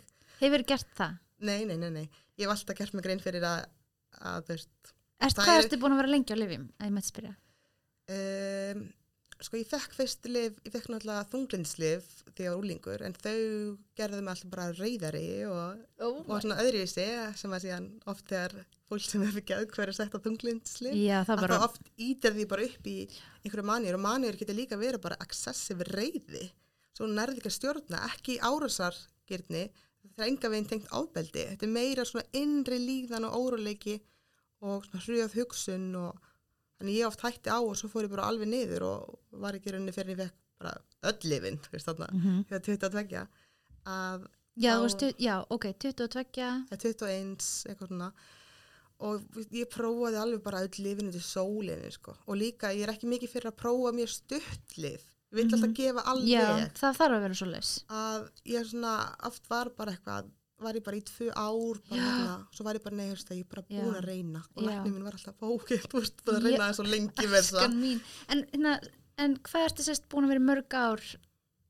Ég man ekki, eða þú veist, ég get ekki og ég, nef, nef, sko, ég er 34 ára. Og líður eins og ég sé svona sjöra en ég hef búin að vera á lifum bara í 12-13 ár. Sam, samfelt já, Já. Einu skiptin sem ég hef hægt að lifum það hefur verið bara þegar ég hef verið ólétt. Ok, já, minnst bara rosalega áhugast að heyra þetta vegna þess að nú er ég búin að vera í tíu ár. Ég er á mest á manjulifjum það er hérna mesta svona geðrófslif sem, að- já, ég er á, já, sem að ég komi vekk fyrir það að geðrófi sér náð. Já eða eða, bara manja sko. Eða, já, þú veist, lithium la, já, ég vil ekki fara að tella þetta upp. Já. en hérna, Nei, mér er alltaf að vita bara margir þú veist, að lithium og lamiktal það eru lif sem að margir ekki að hverju fá, menn ég hef verið á báðum lifjunum já, og til dæmis ég náði aldrei bata þú veist, þegar ég tala um bata, þá er ég til bara svona langt um jafnvægi á Mhm. lamiktal mhm. Og núna er ég á lithium mhm. og þunglindislifjum mhm. og það gekk ágætlega en samt var ég alltaf frekar þunglind og ég var ekki ná að finna mig. Fyrir en ég fekk að ég háti greiningu ah, þá fekk ég örfandi lif já, en það er, já, sem við fyndið að því að það er sko margir sem erum með geðkvör fá ekkert örfandi lif að því að alltaf bara, þú bara bila margir með geðkvör eru fíklar og áfengisjúklingar og eitthvað. Kem ég inn og bara, ha, nei, ég er bara ekkert fyrir nýttulegis og eða, ég, ekkert mann heyrði ég að ef maður er með geðkvörum eitt sem er svona, alvarlegri form af manji, það er einu munin á geðkvörum eitt og, og tvö, það er það að manjiðin að fara munhærra og þú bara svona og minna í þunglindi er skilgjörningin Já, og bara ferð bara hana, alveg bara út í buska í manniðinni og við kitti ætlum að tala um það. ó ég, Og það, þegar ég fekk, og það tók bara nokkur á líka að finna rétt örfandi lif. Já. Og það voru allir bara að hrefna, akkur þarf þú örfandi lif, þú ert ofvirk. Ertu þá ekki bara að fara að vera, ertu ekki bara að reyna að finna létta leiði gegn námið.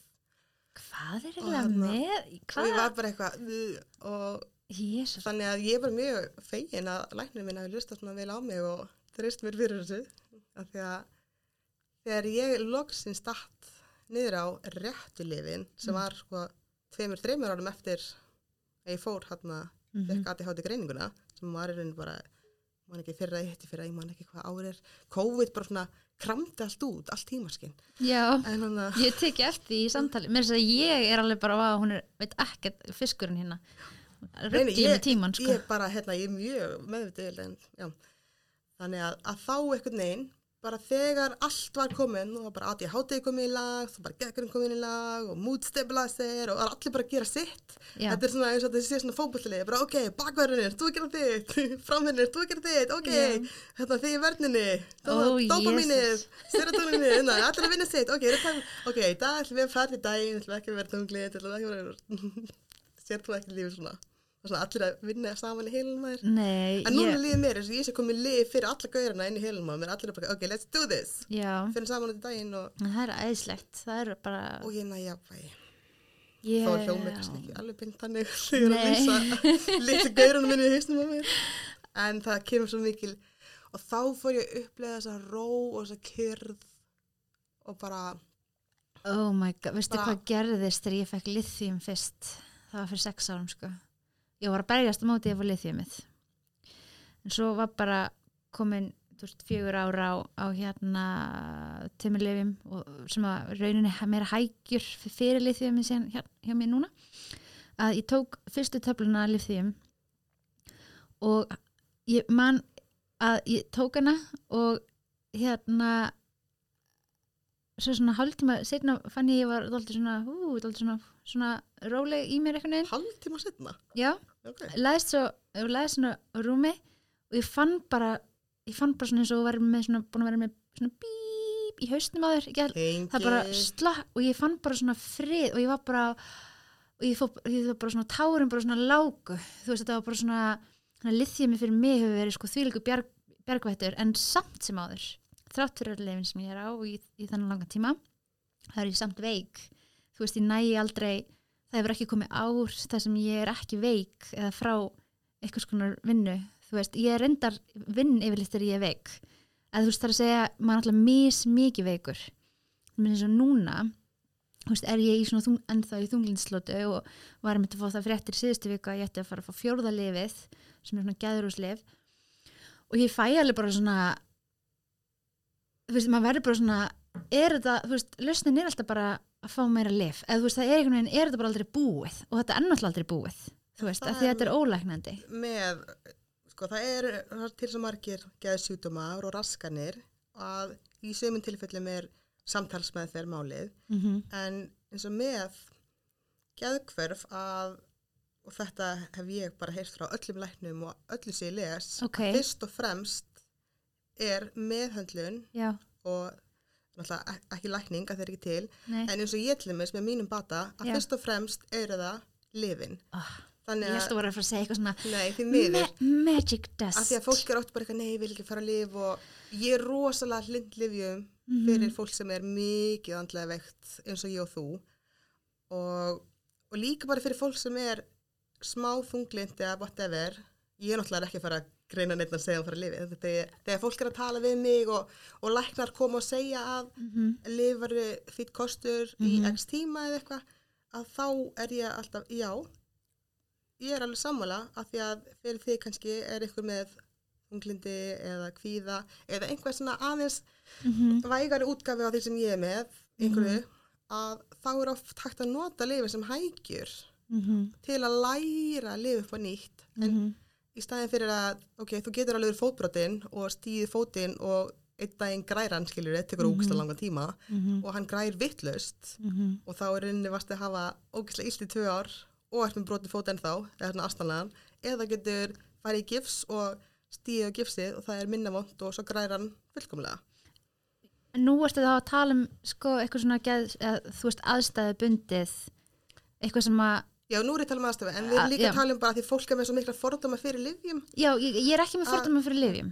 En þannig ég tala um þetta, Mhm. en með, og til dæmis, nú tala ég bara rosalega oft og mikið og reyna Mhm. að fara á fundi þar sem það eru aður með geðkvörf. Já, Og þegar ég heyri, og þegar fólk er að segja sína sögu og það segir bara eitthvað, já, ég er ekki að livjum, það er bara, óbúi.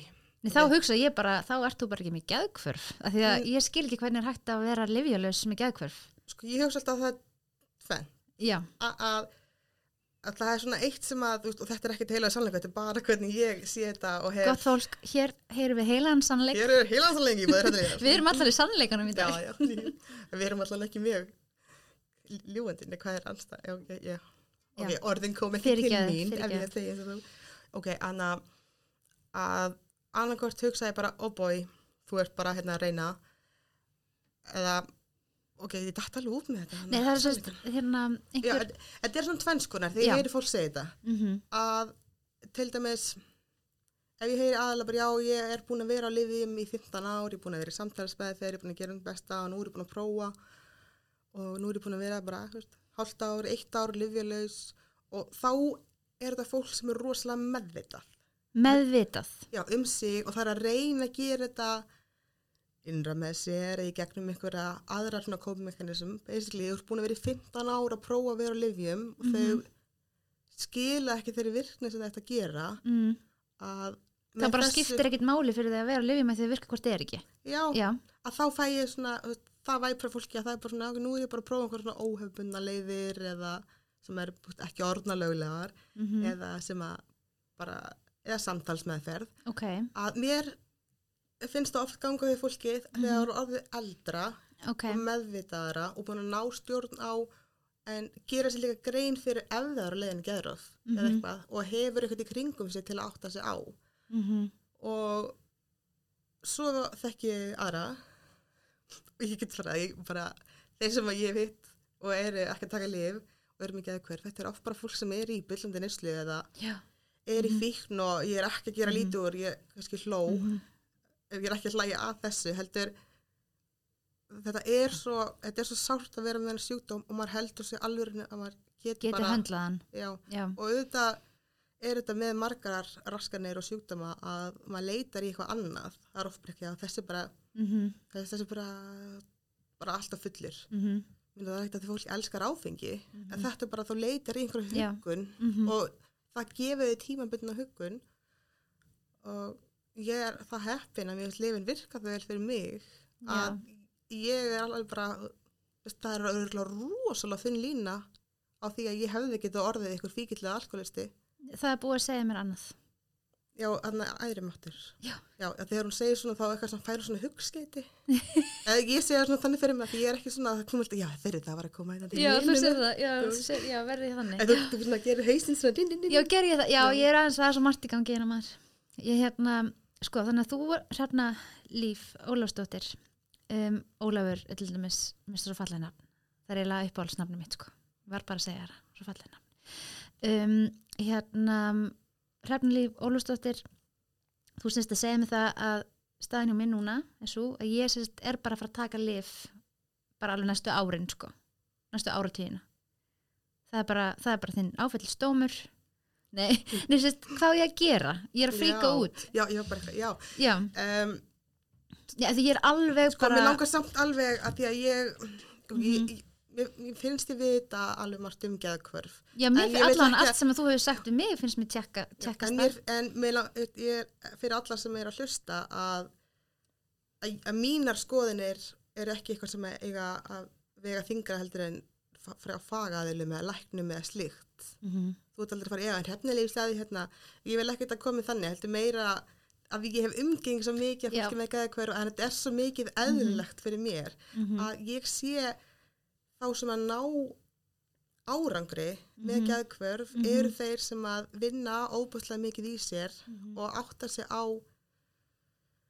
ég er svona pínir þetta að sætta mig við Já. ég held ég væri ekki Já. með neina fordóma fyrir að vera geðveik Já. en svo í rauninu var ég bara fuck ég er bara þvíldur í Já. minnir og ég hugsa hvað get ég gert Já, en ég til að liða betur? langar að segja sko, því að auðvitað, þú veist, þú ert ekki komin með það, þú veist, þú ert ekki sérfræðingur í, í lifjafræði eða eins og leis, en þú ert gjössanlega að segja, þú ert í rauninni að gefa mér sama svar og ég hef fengið frá öllum öðrum sem ég þekki með geðkvörf og ég er hérna hluti af grúpu fyrir fólk sem er með geðkvörf og þegar ég hef komið með hérna spurningar varðandi þú veist er eitthvað sem hefur hægt að lifjum hefur eitthvað verið að prófa sveppi eða gera öðruvísi.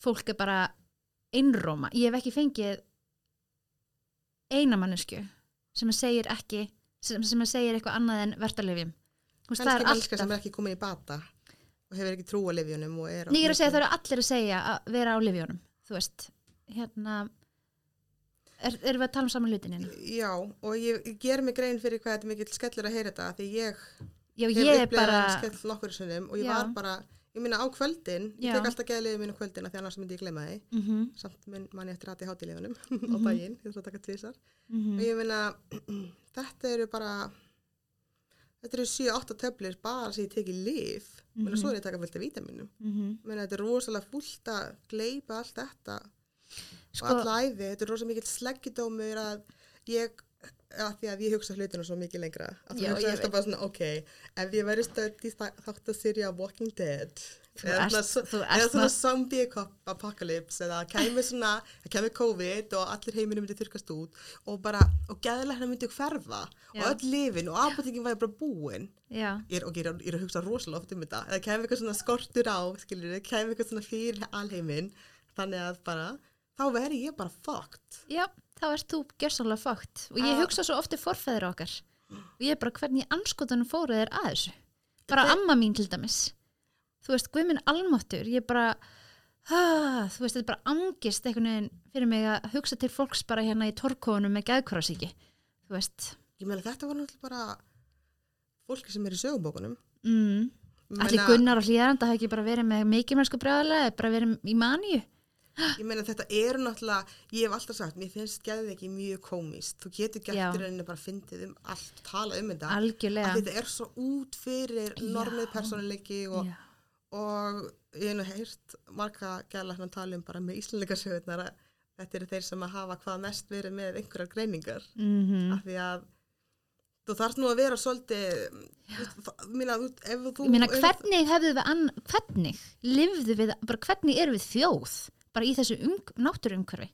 Þú veist, það lítur að hafa verið bara því að það voru ykkur geðvikir aðilar Mm. sem bara tóku þetta aldrei langt. Ég meina, við erum náttúrulega bara norðmenn sem voru útskúið, voru sendið til Íslands, allt vandafólki. Ja.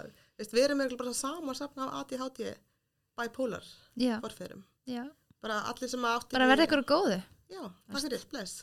Nei. Nei, hérna, fyrir ekki að hrafna mín, hvað ég, ég er ekki góð fyrir ADHD, sko.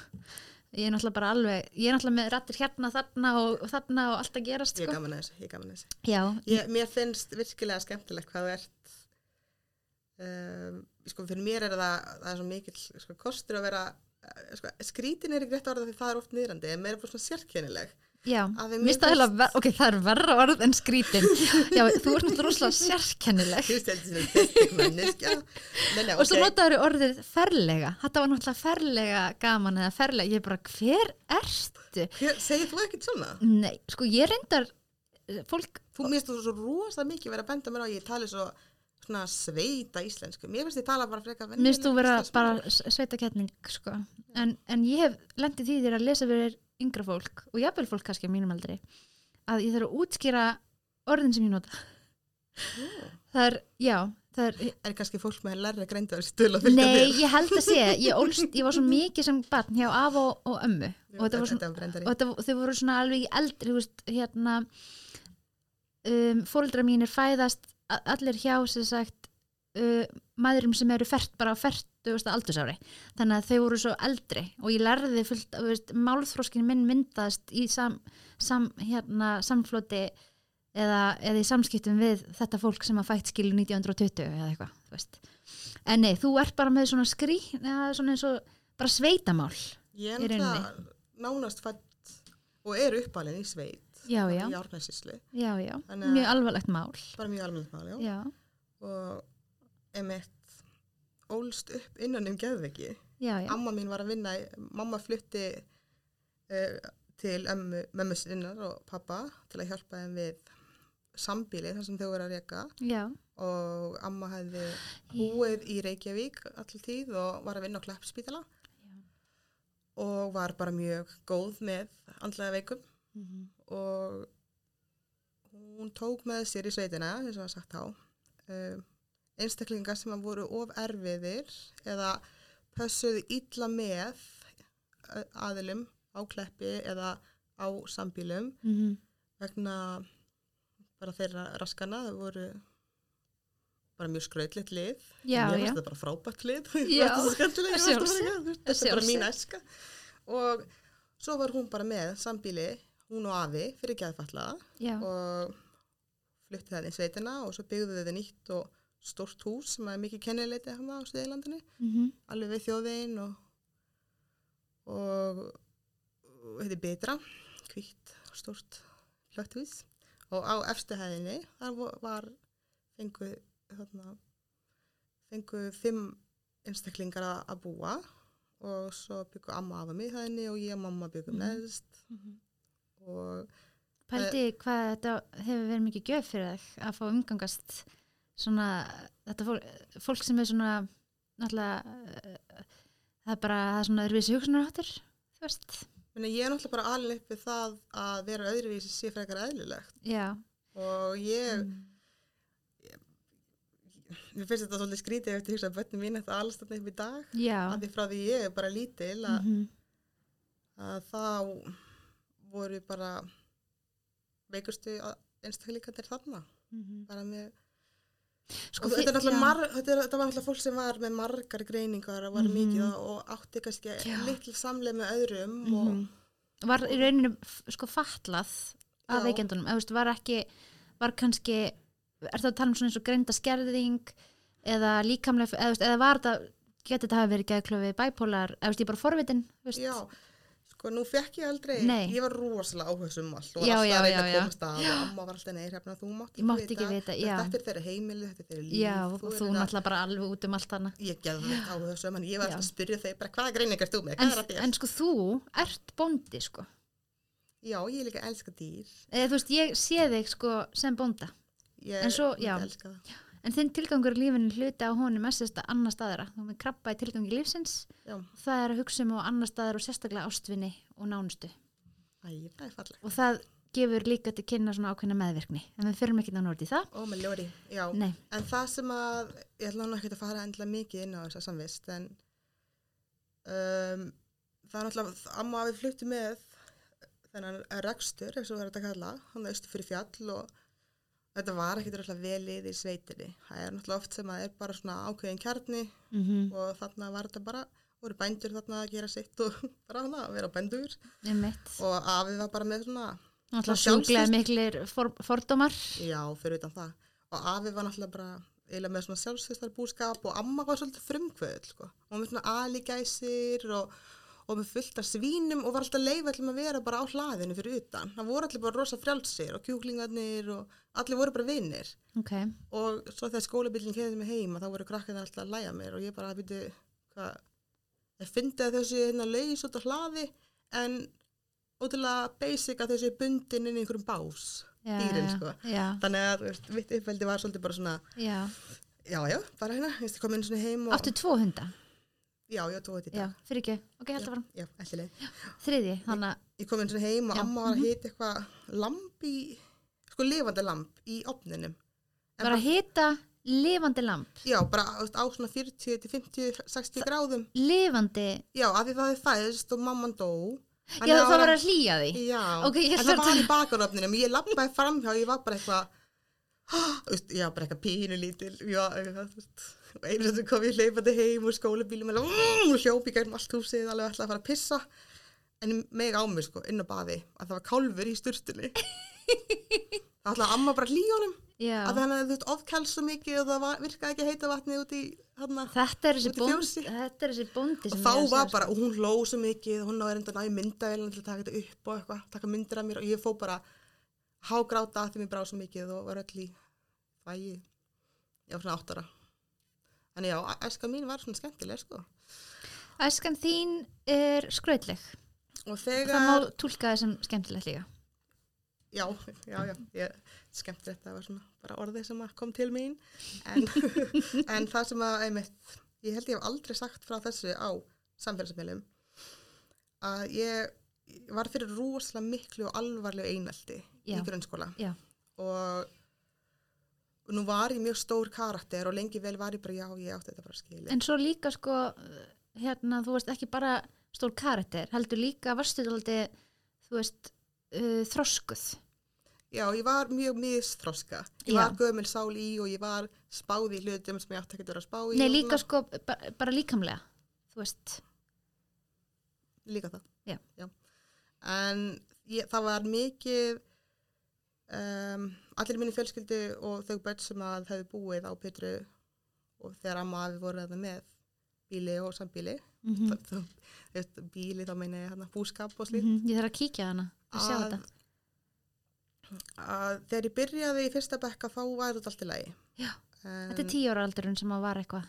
Já, það byrjaði rosa mikið og svo allt í einu fór mamma að segja að ég hef verið að koma heim á skólinum og krakkarnir að segja að ég væri græn og ég Já. mátti ekki vera neins þar að þá var mér talið trúum að ég væri nákvæmlega eins og fólkið sem að byggja Já. hérna hjá okkur ég myndi enda alveg eins og þess vegna væri ég hérna og það vildi enginn vera með mér af því að ég byggi mikið af ykkur fólki Já, sem var þess að fólkið sem var var á sambílinu Mhm. en þau byggu bara sama heimili og svo mm á jólunum og ammalum þá voru við bara alls saman -hmm. á bara hérna Þetta hjá ömmu. fallegt, sjá hvað þetta er fallegt. Þannig að fyrir mér þá var þetta bara, fæ, klálega var þetta fólk sem að, ok, það, þetta var þeirra heimili og bjóða þarna uppi á öðrum staðum ég og þetta var annar heimur. En ég skildi ekki alveg af hverju ég var svona ógeðslega því ég bjóð með fólki sem var ekki eins og krakkarnir í skólinu. Mhm. Að ég náttúrulega tók þetta svolítið inn á mig og, og svo varði ég reið og, og svo jafnvel fór ég að nota þetta á fólki sem að bjóða þarna. Mm, þú veist, kannski bara 8-9 ára, eitthvað svona, -hmm. já, nei, þú ert bara geð ykkur eða eitthvað svona, -hmm. að ég man að mamma tók mig að tala, mamma stað að taka mig að tala, Já, mamma en bara við mig góður. neini þú veist, þú voru rosalega yfir það og hún bara hrefna, en að svona ætlum við ekki að tala Mm -hmm. við fólkið, þau eru einstaklingar alveg eins og við, þau búa Mhm. hérna, við ætlum að byrja verðingu fyrir þau og þeim og við ætlum bara að skilja þau og þau eru jafningjar okkar. Og ég man bara að ég skammaðist mér svo mikið, Mm -hmm. ég var bara, já, við, ég var bara að taka út af þeim þegar ég lendi En pældi í, þú veist, ég bara fordumar. Þú veist, ég er bara, ég er svo þakklátt. Þú veist, ég hef sagt til mömmu, þegar ég er á þeim stað að ég er bara, þú veist, ég er bara, please má ég gefast upp. Ég bara, ég get ekki meira, sko, bara hér. Þá hugsaði ég til ömmu sem að hérna átti líka, átti við geðran vandamál eða þar að segja, ég, það var ekki greint en grunir að það hefði verið bæpólar út frá bara ymsum þáttum. Um, en ég held að segja mitt pínu svona höss höss skiluru en ég bara segi það af því að ég vil bara tala um þessu hluti. Ég hugst til hennar og ég er bara fjandinn hafið það. Ef hún dröstlaðist í gegnum þetta þá get ég þetta líka. Þú veist, á þeim tíma sem að, sem að varum mitt, þú veist, það var allt svo lokað aldrei neitt rætt þú veist, hérna þegar það var kannski augljóslega eitthvað að þú veist, En þá samt þurftur ekki endalast að sjá hvernig öðrum leið og þá gerðu sér ekkert allir grein fyrir hvernig þeim leið. En við erum að tala um kannski 1950, 60 eða, Mhm. eða mikið setna já, að við erum ofta að hugsa tilbaka bara, ó, þannig við, þú veist. mm En fólk vissi ekkert að það hafði það neitt verið aðrir. Það vissi bara að því liðið illa. -hmm. En enginn talaði um neitt, þannig að ignorance is bliss. þú Hvar, hvað líka svo lína? Já, ég, ég held, jú, sko, hún var, var lögðunar á geðveikra spítala, þú veist. Já, ok. Og, þannig að, þú veist, þannig að, hrafna, leiðu mér bara, þú veist, leiðu mér að segja söguna. Ha? Ha? Ekki vera að koma með, nei, þetta er eitthvað svona út í dura. Nei, nei, ég veit bara, ég veit bara að fordumar hafa verið hérna lengi vel, ég meina, ég verið að tala um hérna landnámssögunar, ég meina, fólk sem var geðveitt var, var bara hérna bundið við staur og þetta var bara kallað fíbl, skiluru, þú veist þetta hérna og, og ég meina þegar ég var sett inn á geðdild það var bara, ég var svo hrættum að fólk myndi koma að þessu. Að það var einmitt um það leiti sem að það er aðeins byrja að skrifa um þunglindi og svona, þú veist á bleikt.is minni mig var með eitthvað þú veist, ykkur svona, ykkur svona síður sem voru ekki stórumiðlanir, þú veist, og það byrjaði að opnast aðeins á það, þannig að það er ekkert stutt síðan, við fórum að geta rætt þessum og ég veit um marga sem eru ekki tilbúin að tala um þetta, sko, sem eru með þetta, þú veist þannig að hérna þannig að ég bara, vá, ég fæ oft bara svona, vá, þú veist, ég er svo fegin að vera á þessum tíma núna að deila við þetta, en ekki í þögninni og skömminni þú veist, það er eitt að vera með þetta helviti, annað er að vera með skömminu og allt hitt sem getur fyllt því, sko. mikið rétt. Ég man nefnir þegar ég labbaði út af landsbítalunum að ég var bara, já, er kleppur bara fyrir að ringja mig á morgun.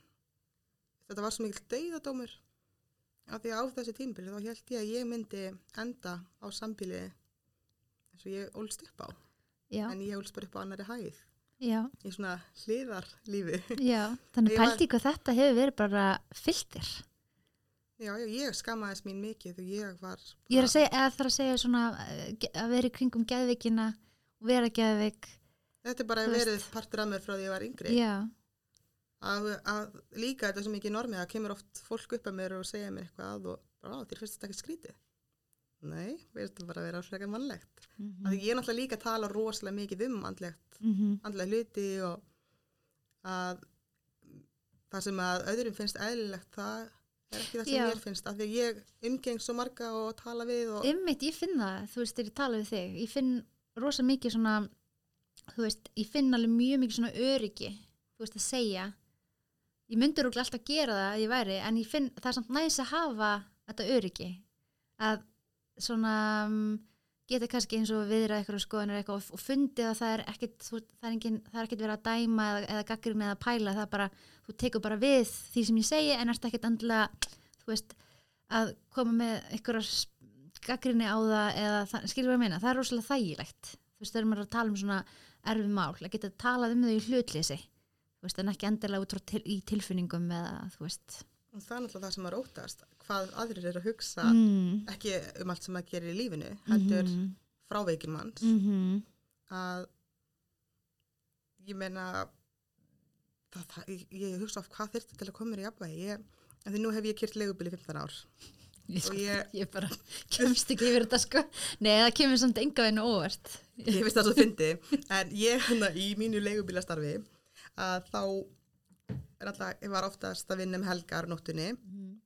En ef ég vann virkadaga þá var það á nóttunni.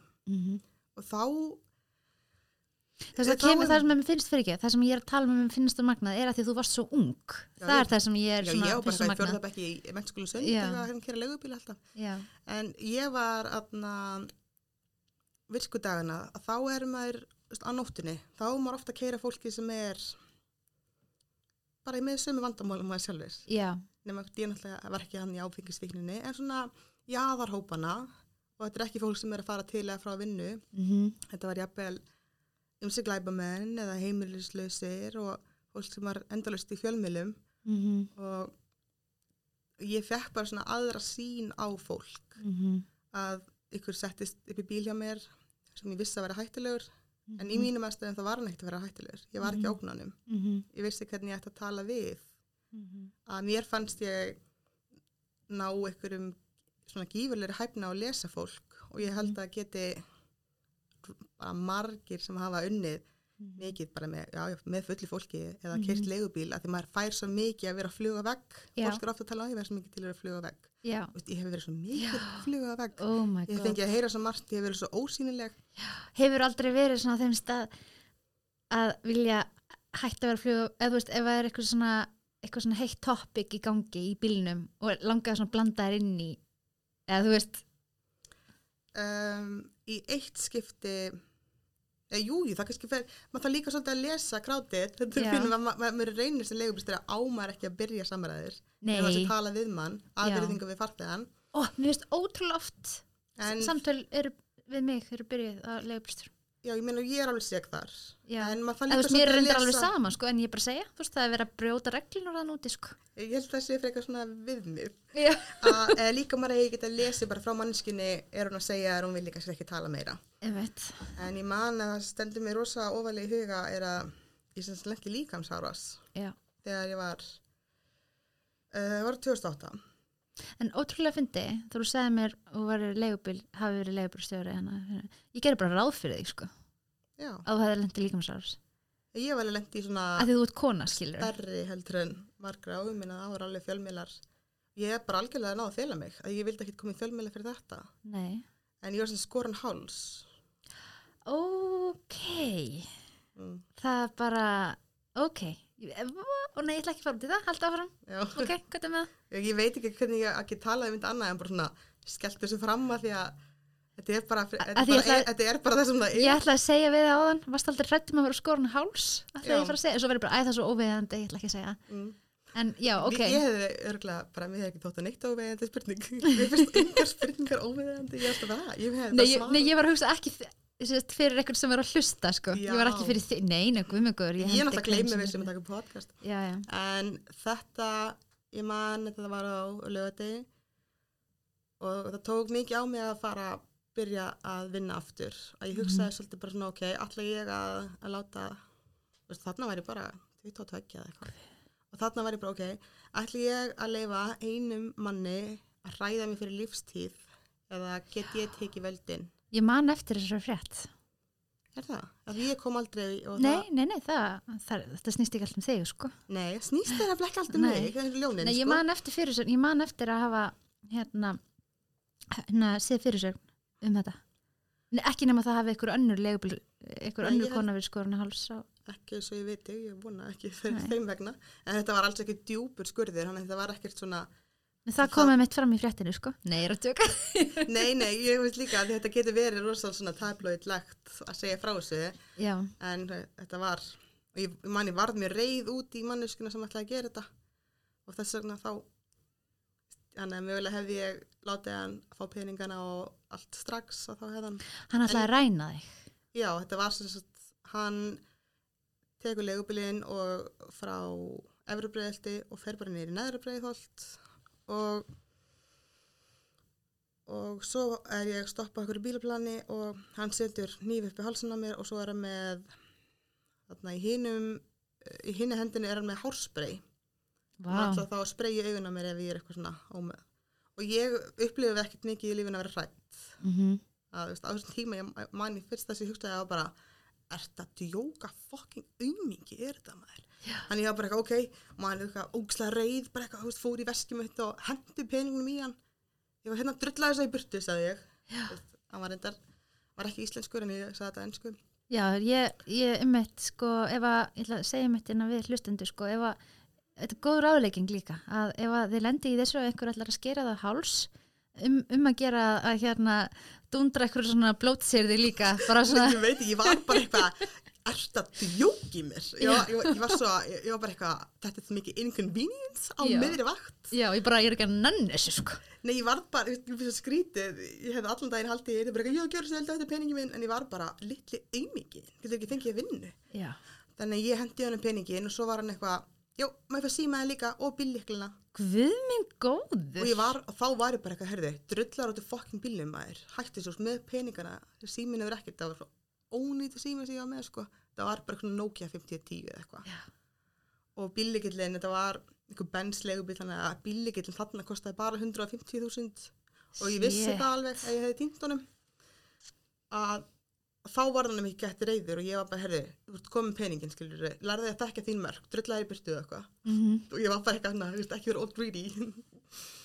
Og þá er veit skarað mig. Og en mér að það þurfti ekki að sauma þannig í rauninni, ég veit ekki alveg hvernig ég ætti að orða þetta öðru þannig að þetta væri svona Já. dramatíst þannig að Nei, nei, en þetta, Sko- eftir að hann fór já, að, mm þá væri ég ekki með símin ekki neitt þetta væri miðja nótti og þannig að lögða já, En hann ég- tók síman. hann bara tók allt í átti hana En tók hann líka líklana? já, já, svo ég kemst ekki burtu eldan Gast ekki varið þig betur, einhvern veginn? Þú veist, Nei, ég náttúrulega gata ekki gerst af því að, nei, ég hugsaði bara gati það ekki. Nei, hann var náttúrulega með hárspray hérna, hann bara sprayði já, í hana þér. og hérna og þetta er einmitt ástæðan fyrir að leigubilstjórar eru undanskildi reglunni að þurfa að vera í bílbelti já, þegar þeir eru með fartega já, að ekki það í þessum aðstæðum hefði ég getað farið. Já. það tók mér alltaf bara hálstæki, var fyrir aftan mig og setti hnífinn og svo var hálsbreið hinn megin. Guð mig góður. og svo man ég að ég bara eitthvað, þú veist, íti á skjáin ég bara er bara í paniki ég bara eitthvað, þú veist, eitthvað, veist, ég held ég var að ringi 112, maður getur svo ringt í 112 gegnum leigubíladæmi. Já, en það virkaði ekki þannig, ég ringdi bara nýra á símaþjónustu Reyfils Já. og ég báði bara að ráðast á mig ég, man, ég, ég náði ekkert að koma neyn sem ég sagði Nei, og mamma var eftir að vinna líka þessa nóttu að þarna yeah. hún líka kera lögubill og þannig að þeir sendi lögguna og svo var ég alltaf bara hengi mammi, hún er og hún er ég veit hvað mamma henn er ok, þú veist að hverju voru henn er ekkert marga maður að vinna á repli þannig að ég ekki svara það leiði svona 30 sekundir mamma var í seljakörunni En það var líka ráðast að hana ekki? Jú, held að hún er alveg hún var einu svona úkslega reyðið ykkur og sparkaði hann út í bílum Já, en allavega, nei fyrir ekki, ég ætla hann ekki að fara að Já, það er, já. Þannig að hún kom hann alveg bara, þú veist, Mm. hún bara störja allar hafðin, en Já. breyðslinn var bara eitthvað, það var bara, já, dótti ég lendi árás og hún bara hann kom. Vá. En svo byrjaði ég bara að vinna mánudeginum, Já, bara af því að það kerði maður og ég var náttúrulega var sko að fara í heimstreys styrti setna. Uh, nei, ég var nýkomin heim úr heimstreysi og ég átti engan pening. Já, ég var búin að vera í hálft ár á flakki um Ameríku, Suður Ameríku og Miða Ameríku og bara eitthvað living the life. já, Þannig að ég var bara búin með allan peningin og þurfti pening að ég myndi byrja í háskólanum fyrir haustið. og svo varstu bara rænt. Já, ég svo bara allt, allt ekki. Ég var rosa reið og hérna, og fyrstu kunnandi mínir, fyrsta ferðin á þessu mándaskvöldi voru grannleskir sjómenn Ok, og ég varð svo hrætt, Já. ekki að þeir hefði sínt neina ógnandi hlið Nei. en þeir voru, ef, ef þú slegubistur hefur kert grannleska sjómenn, þá veistu að þeir eru alltaf druknir. druknar Já. en drætt að vera. Já, já, ég ætla bara að segja það. Já. Bara, þannig er það bara.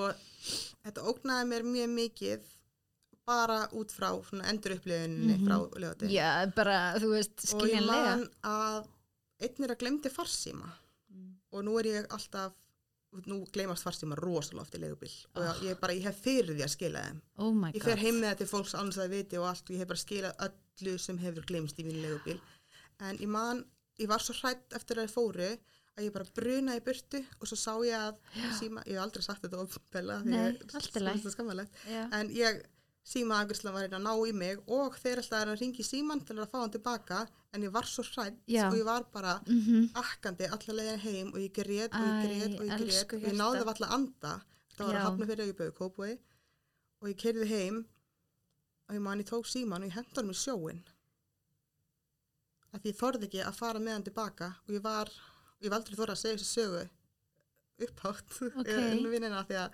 þetta er náttúrulega bara ekki eitthvað sem leigubils er að gera þú gleymir eitthvað þá henda því ekki sjóin en þarna var þetta bara þannig, ég þorði ekki að fara aftur í hitta því þetta var útlendingar.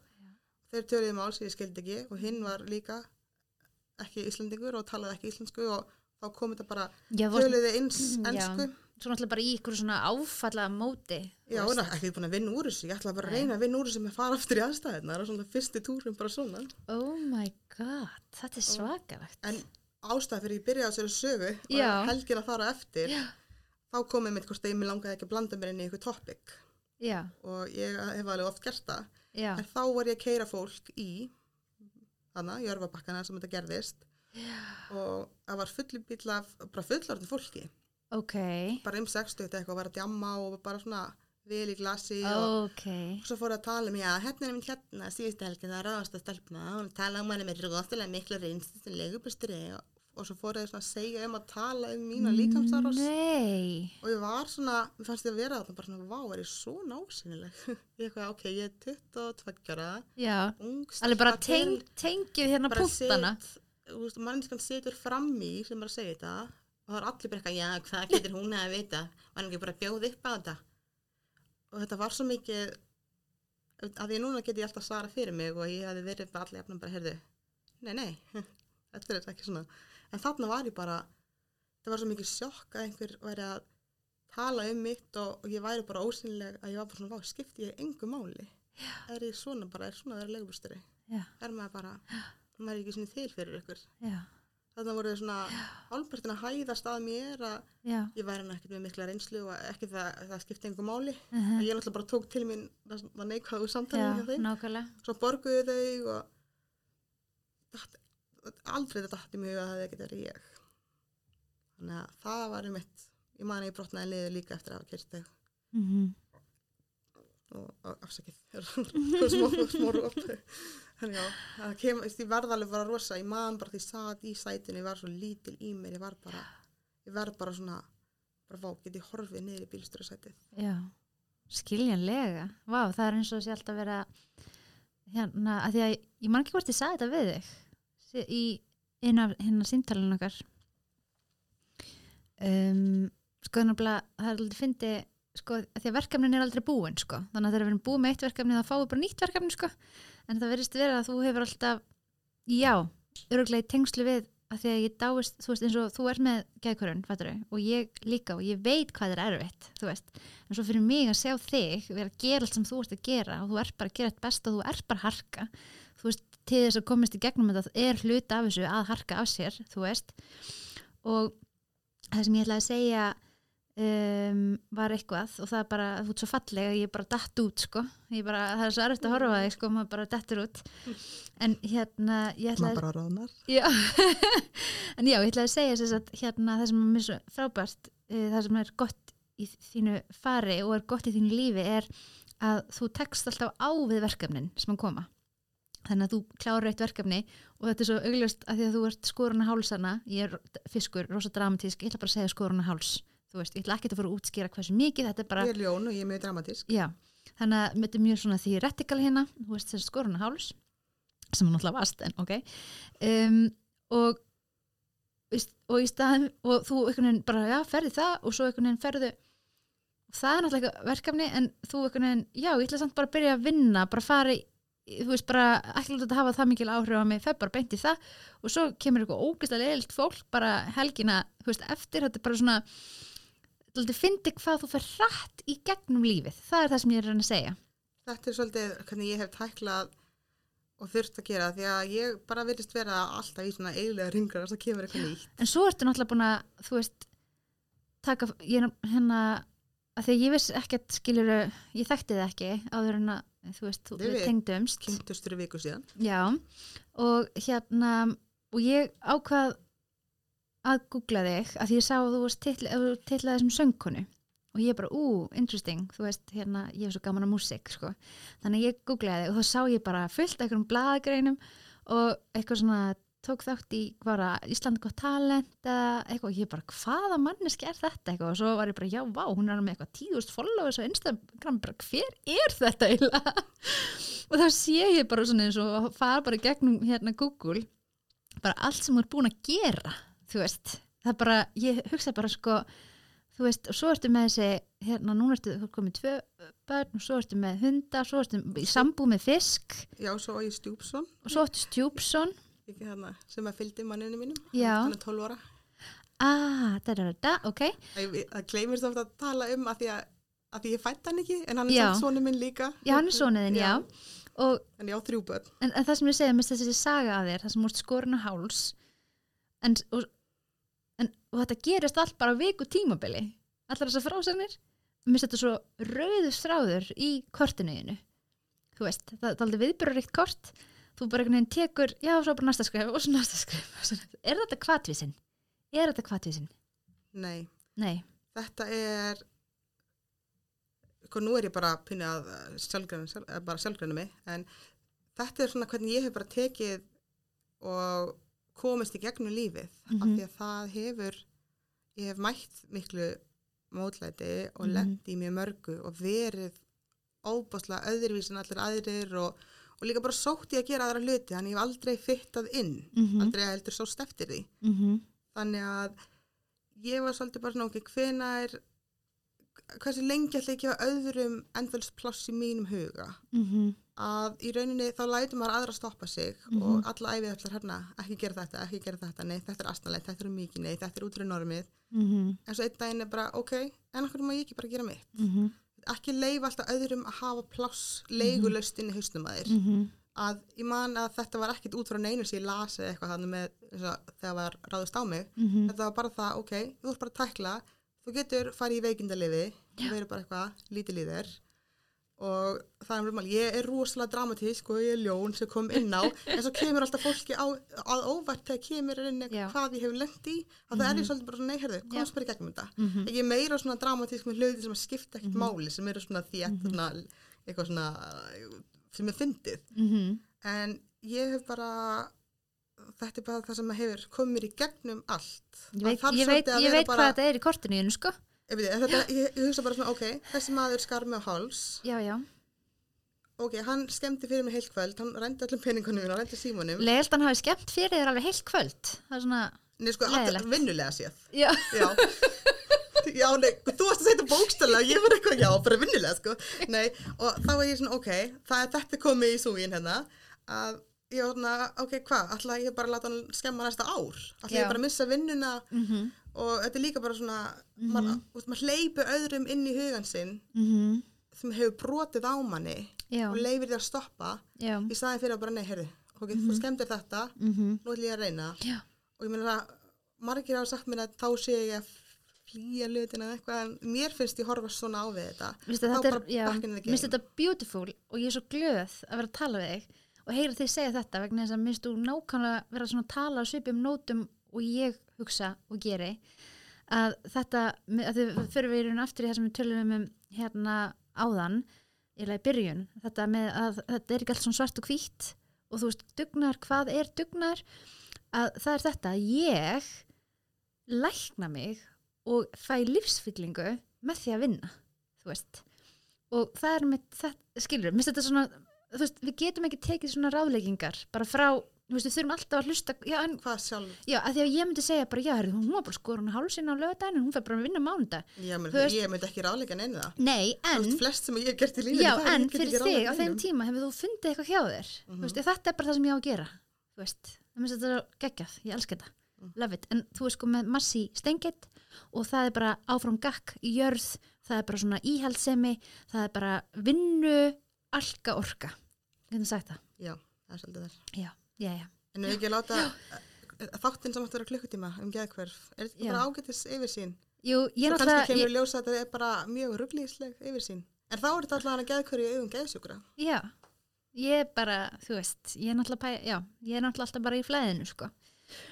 En hérna mér fannst þetta fyrir eitthvað skýrt svona miða við sko, miða við að þú ert uh, þetta er líka rosalega erfitt eins og þú að- ert.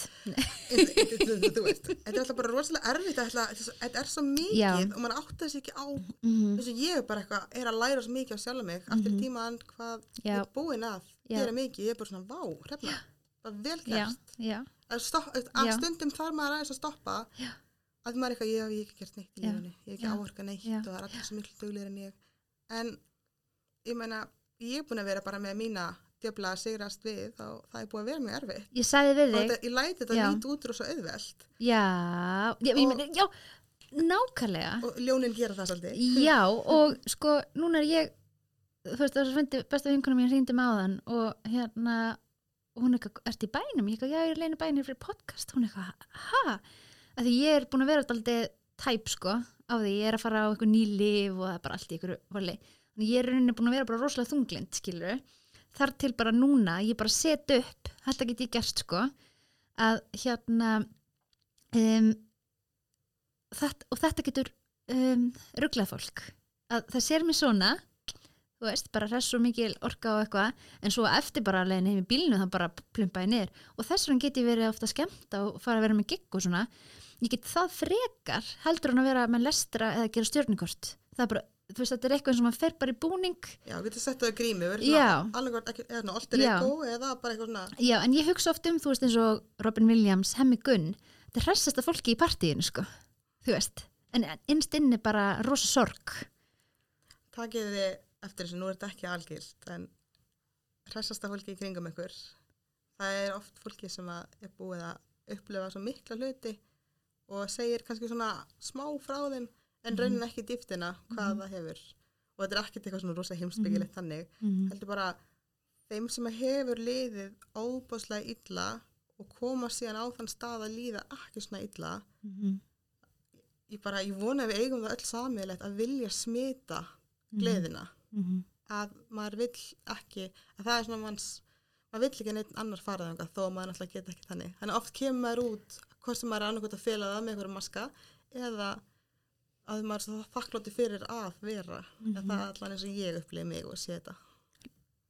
Hluti, bara að lókum hluti af minni sjálfsbyrgarkvöt uh, er einmitt gríman sko og egoið að setja það aðeins yfir bara til að fá pásu sko. Ég get alveg gert það um, þegar ég þarf að vera svona í giggi eða eitthvað svona út af við eitthvað neginn en ein í í hljóði með sjálfur mér þú veist ekki ok. og látum það vera loka orð hér í dag ég þakka uh, áhernina takk fyrir komuna Hrafnalíf Takk fyrir var komin. þetta er búið að vera Þetta er minn yndislegt. Herri, já. Ok, já, þú ert bara búin að take it away. já, ég er sem sagt hérna ætlaði bara, já, takk kella fyrir mig ég er rosa montin að þú skildir að hafa haft samband Ég er bara mega ánægð að komi. Þetta er búið að vera bara skóli fyrir mig. Ég, ég finn ekki lært margt á þér þannig að ég bara, já, takk fyrir það Það er líka bara það sem að er með alla. Það hafa allir einhver sögu og allir eitthvað spennandi að segja. mér semt samt en, já, já, ok I made a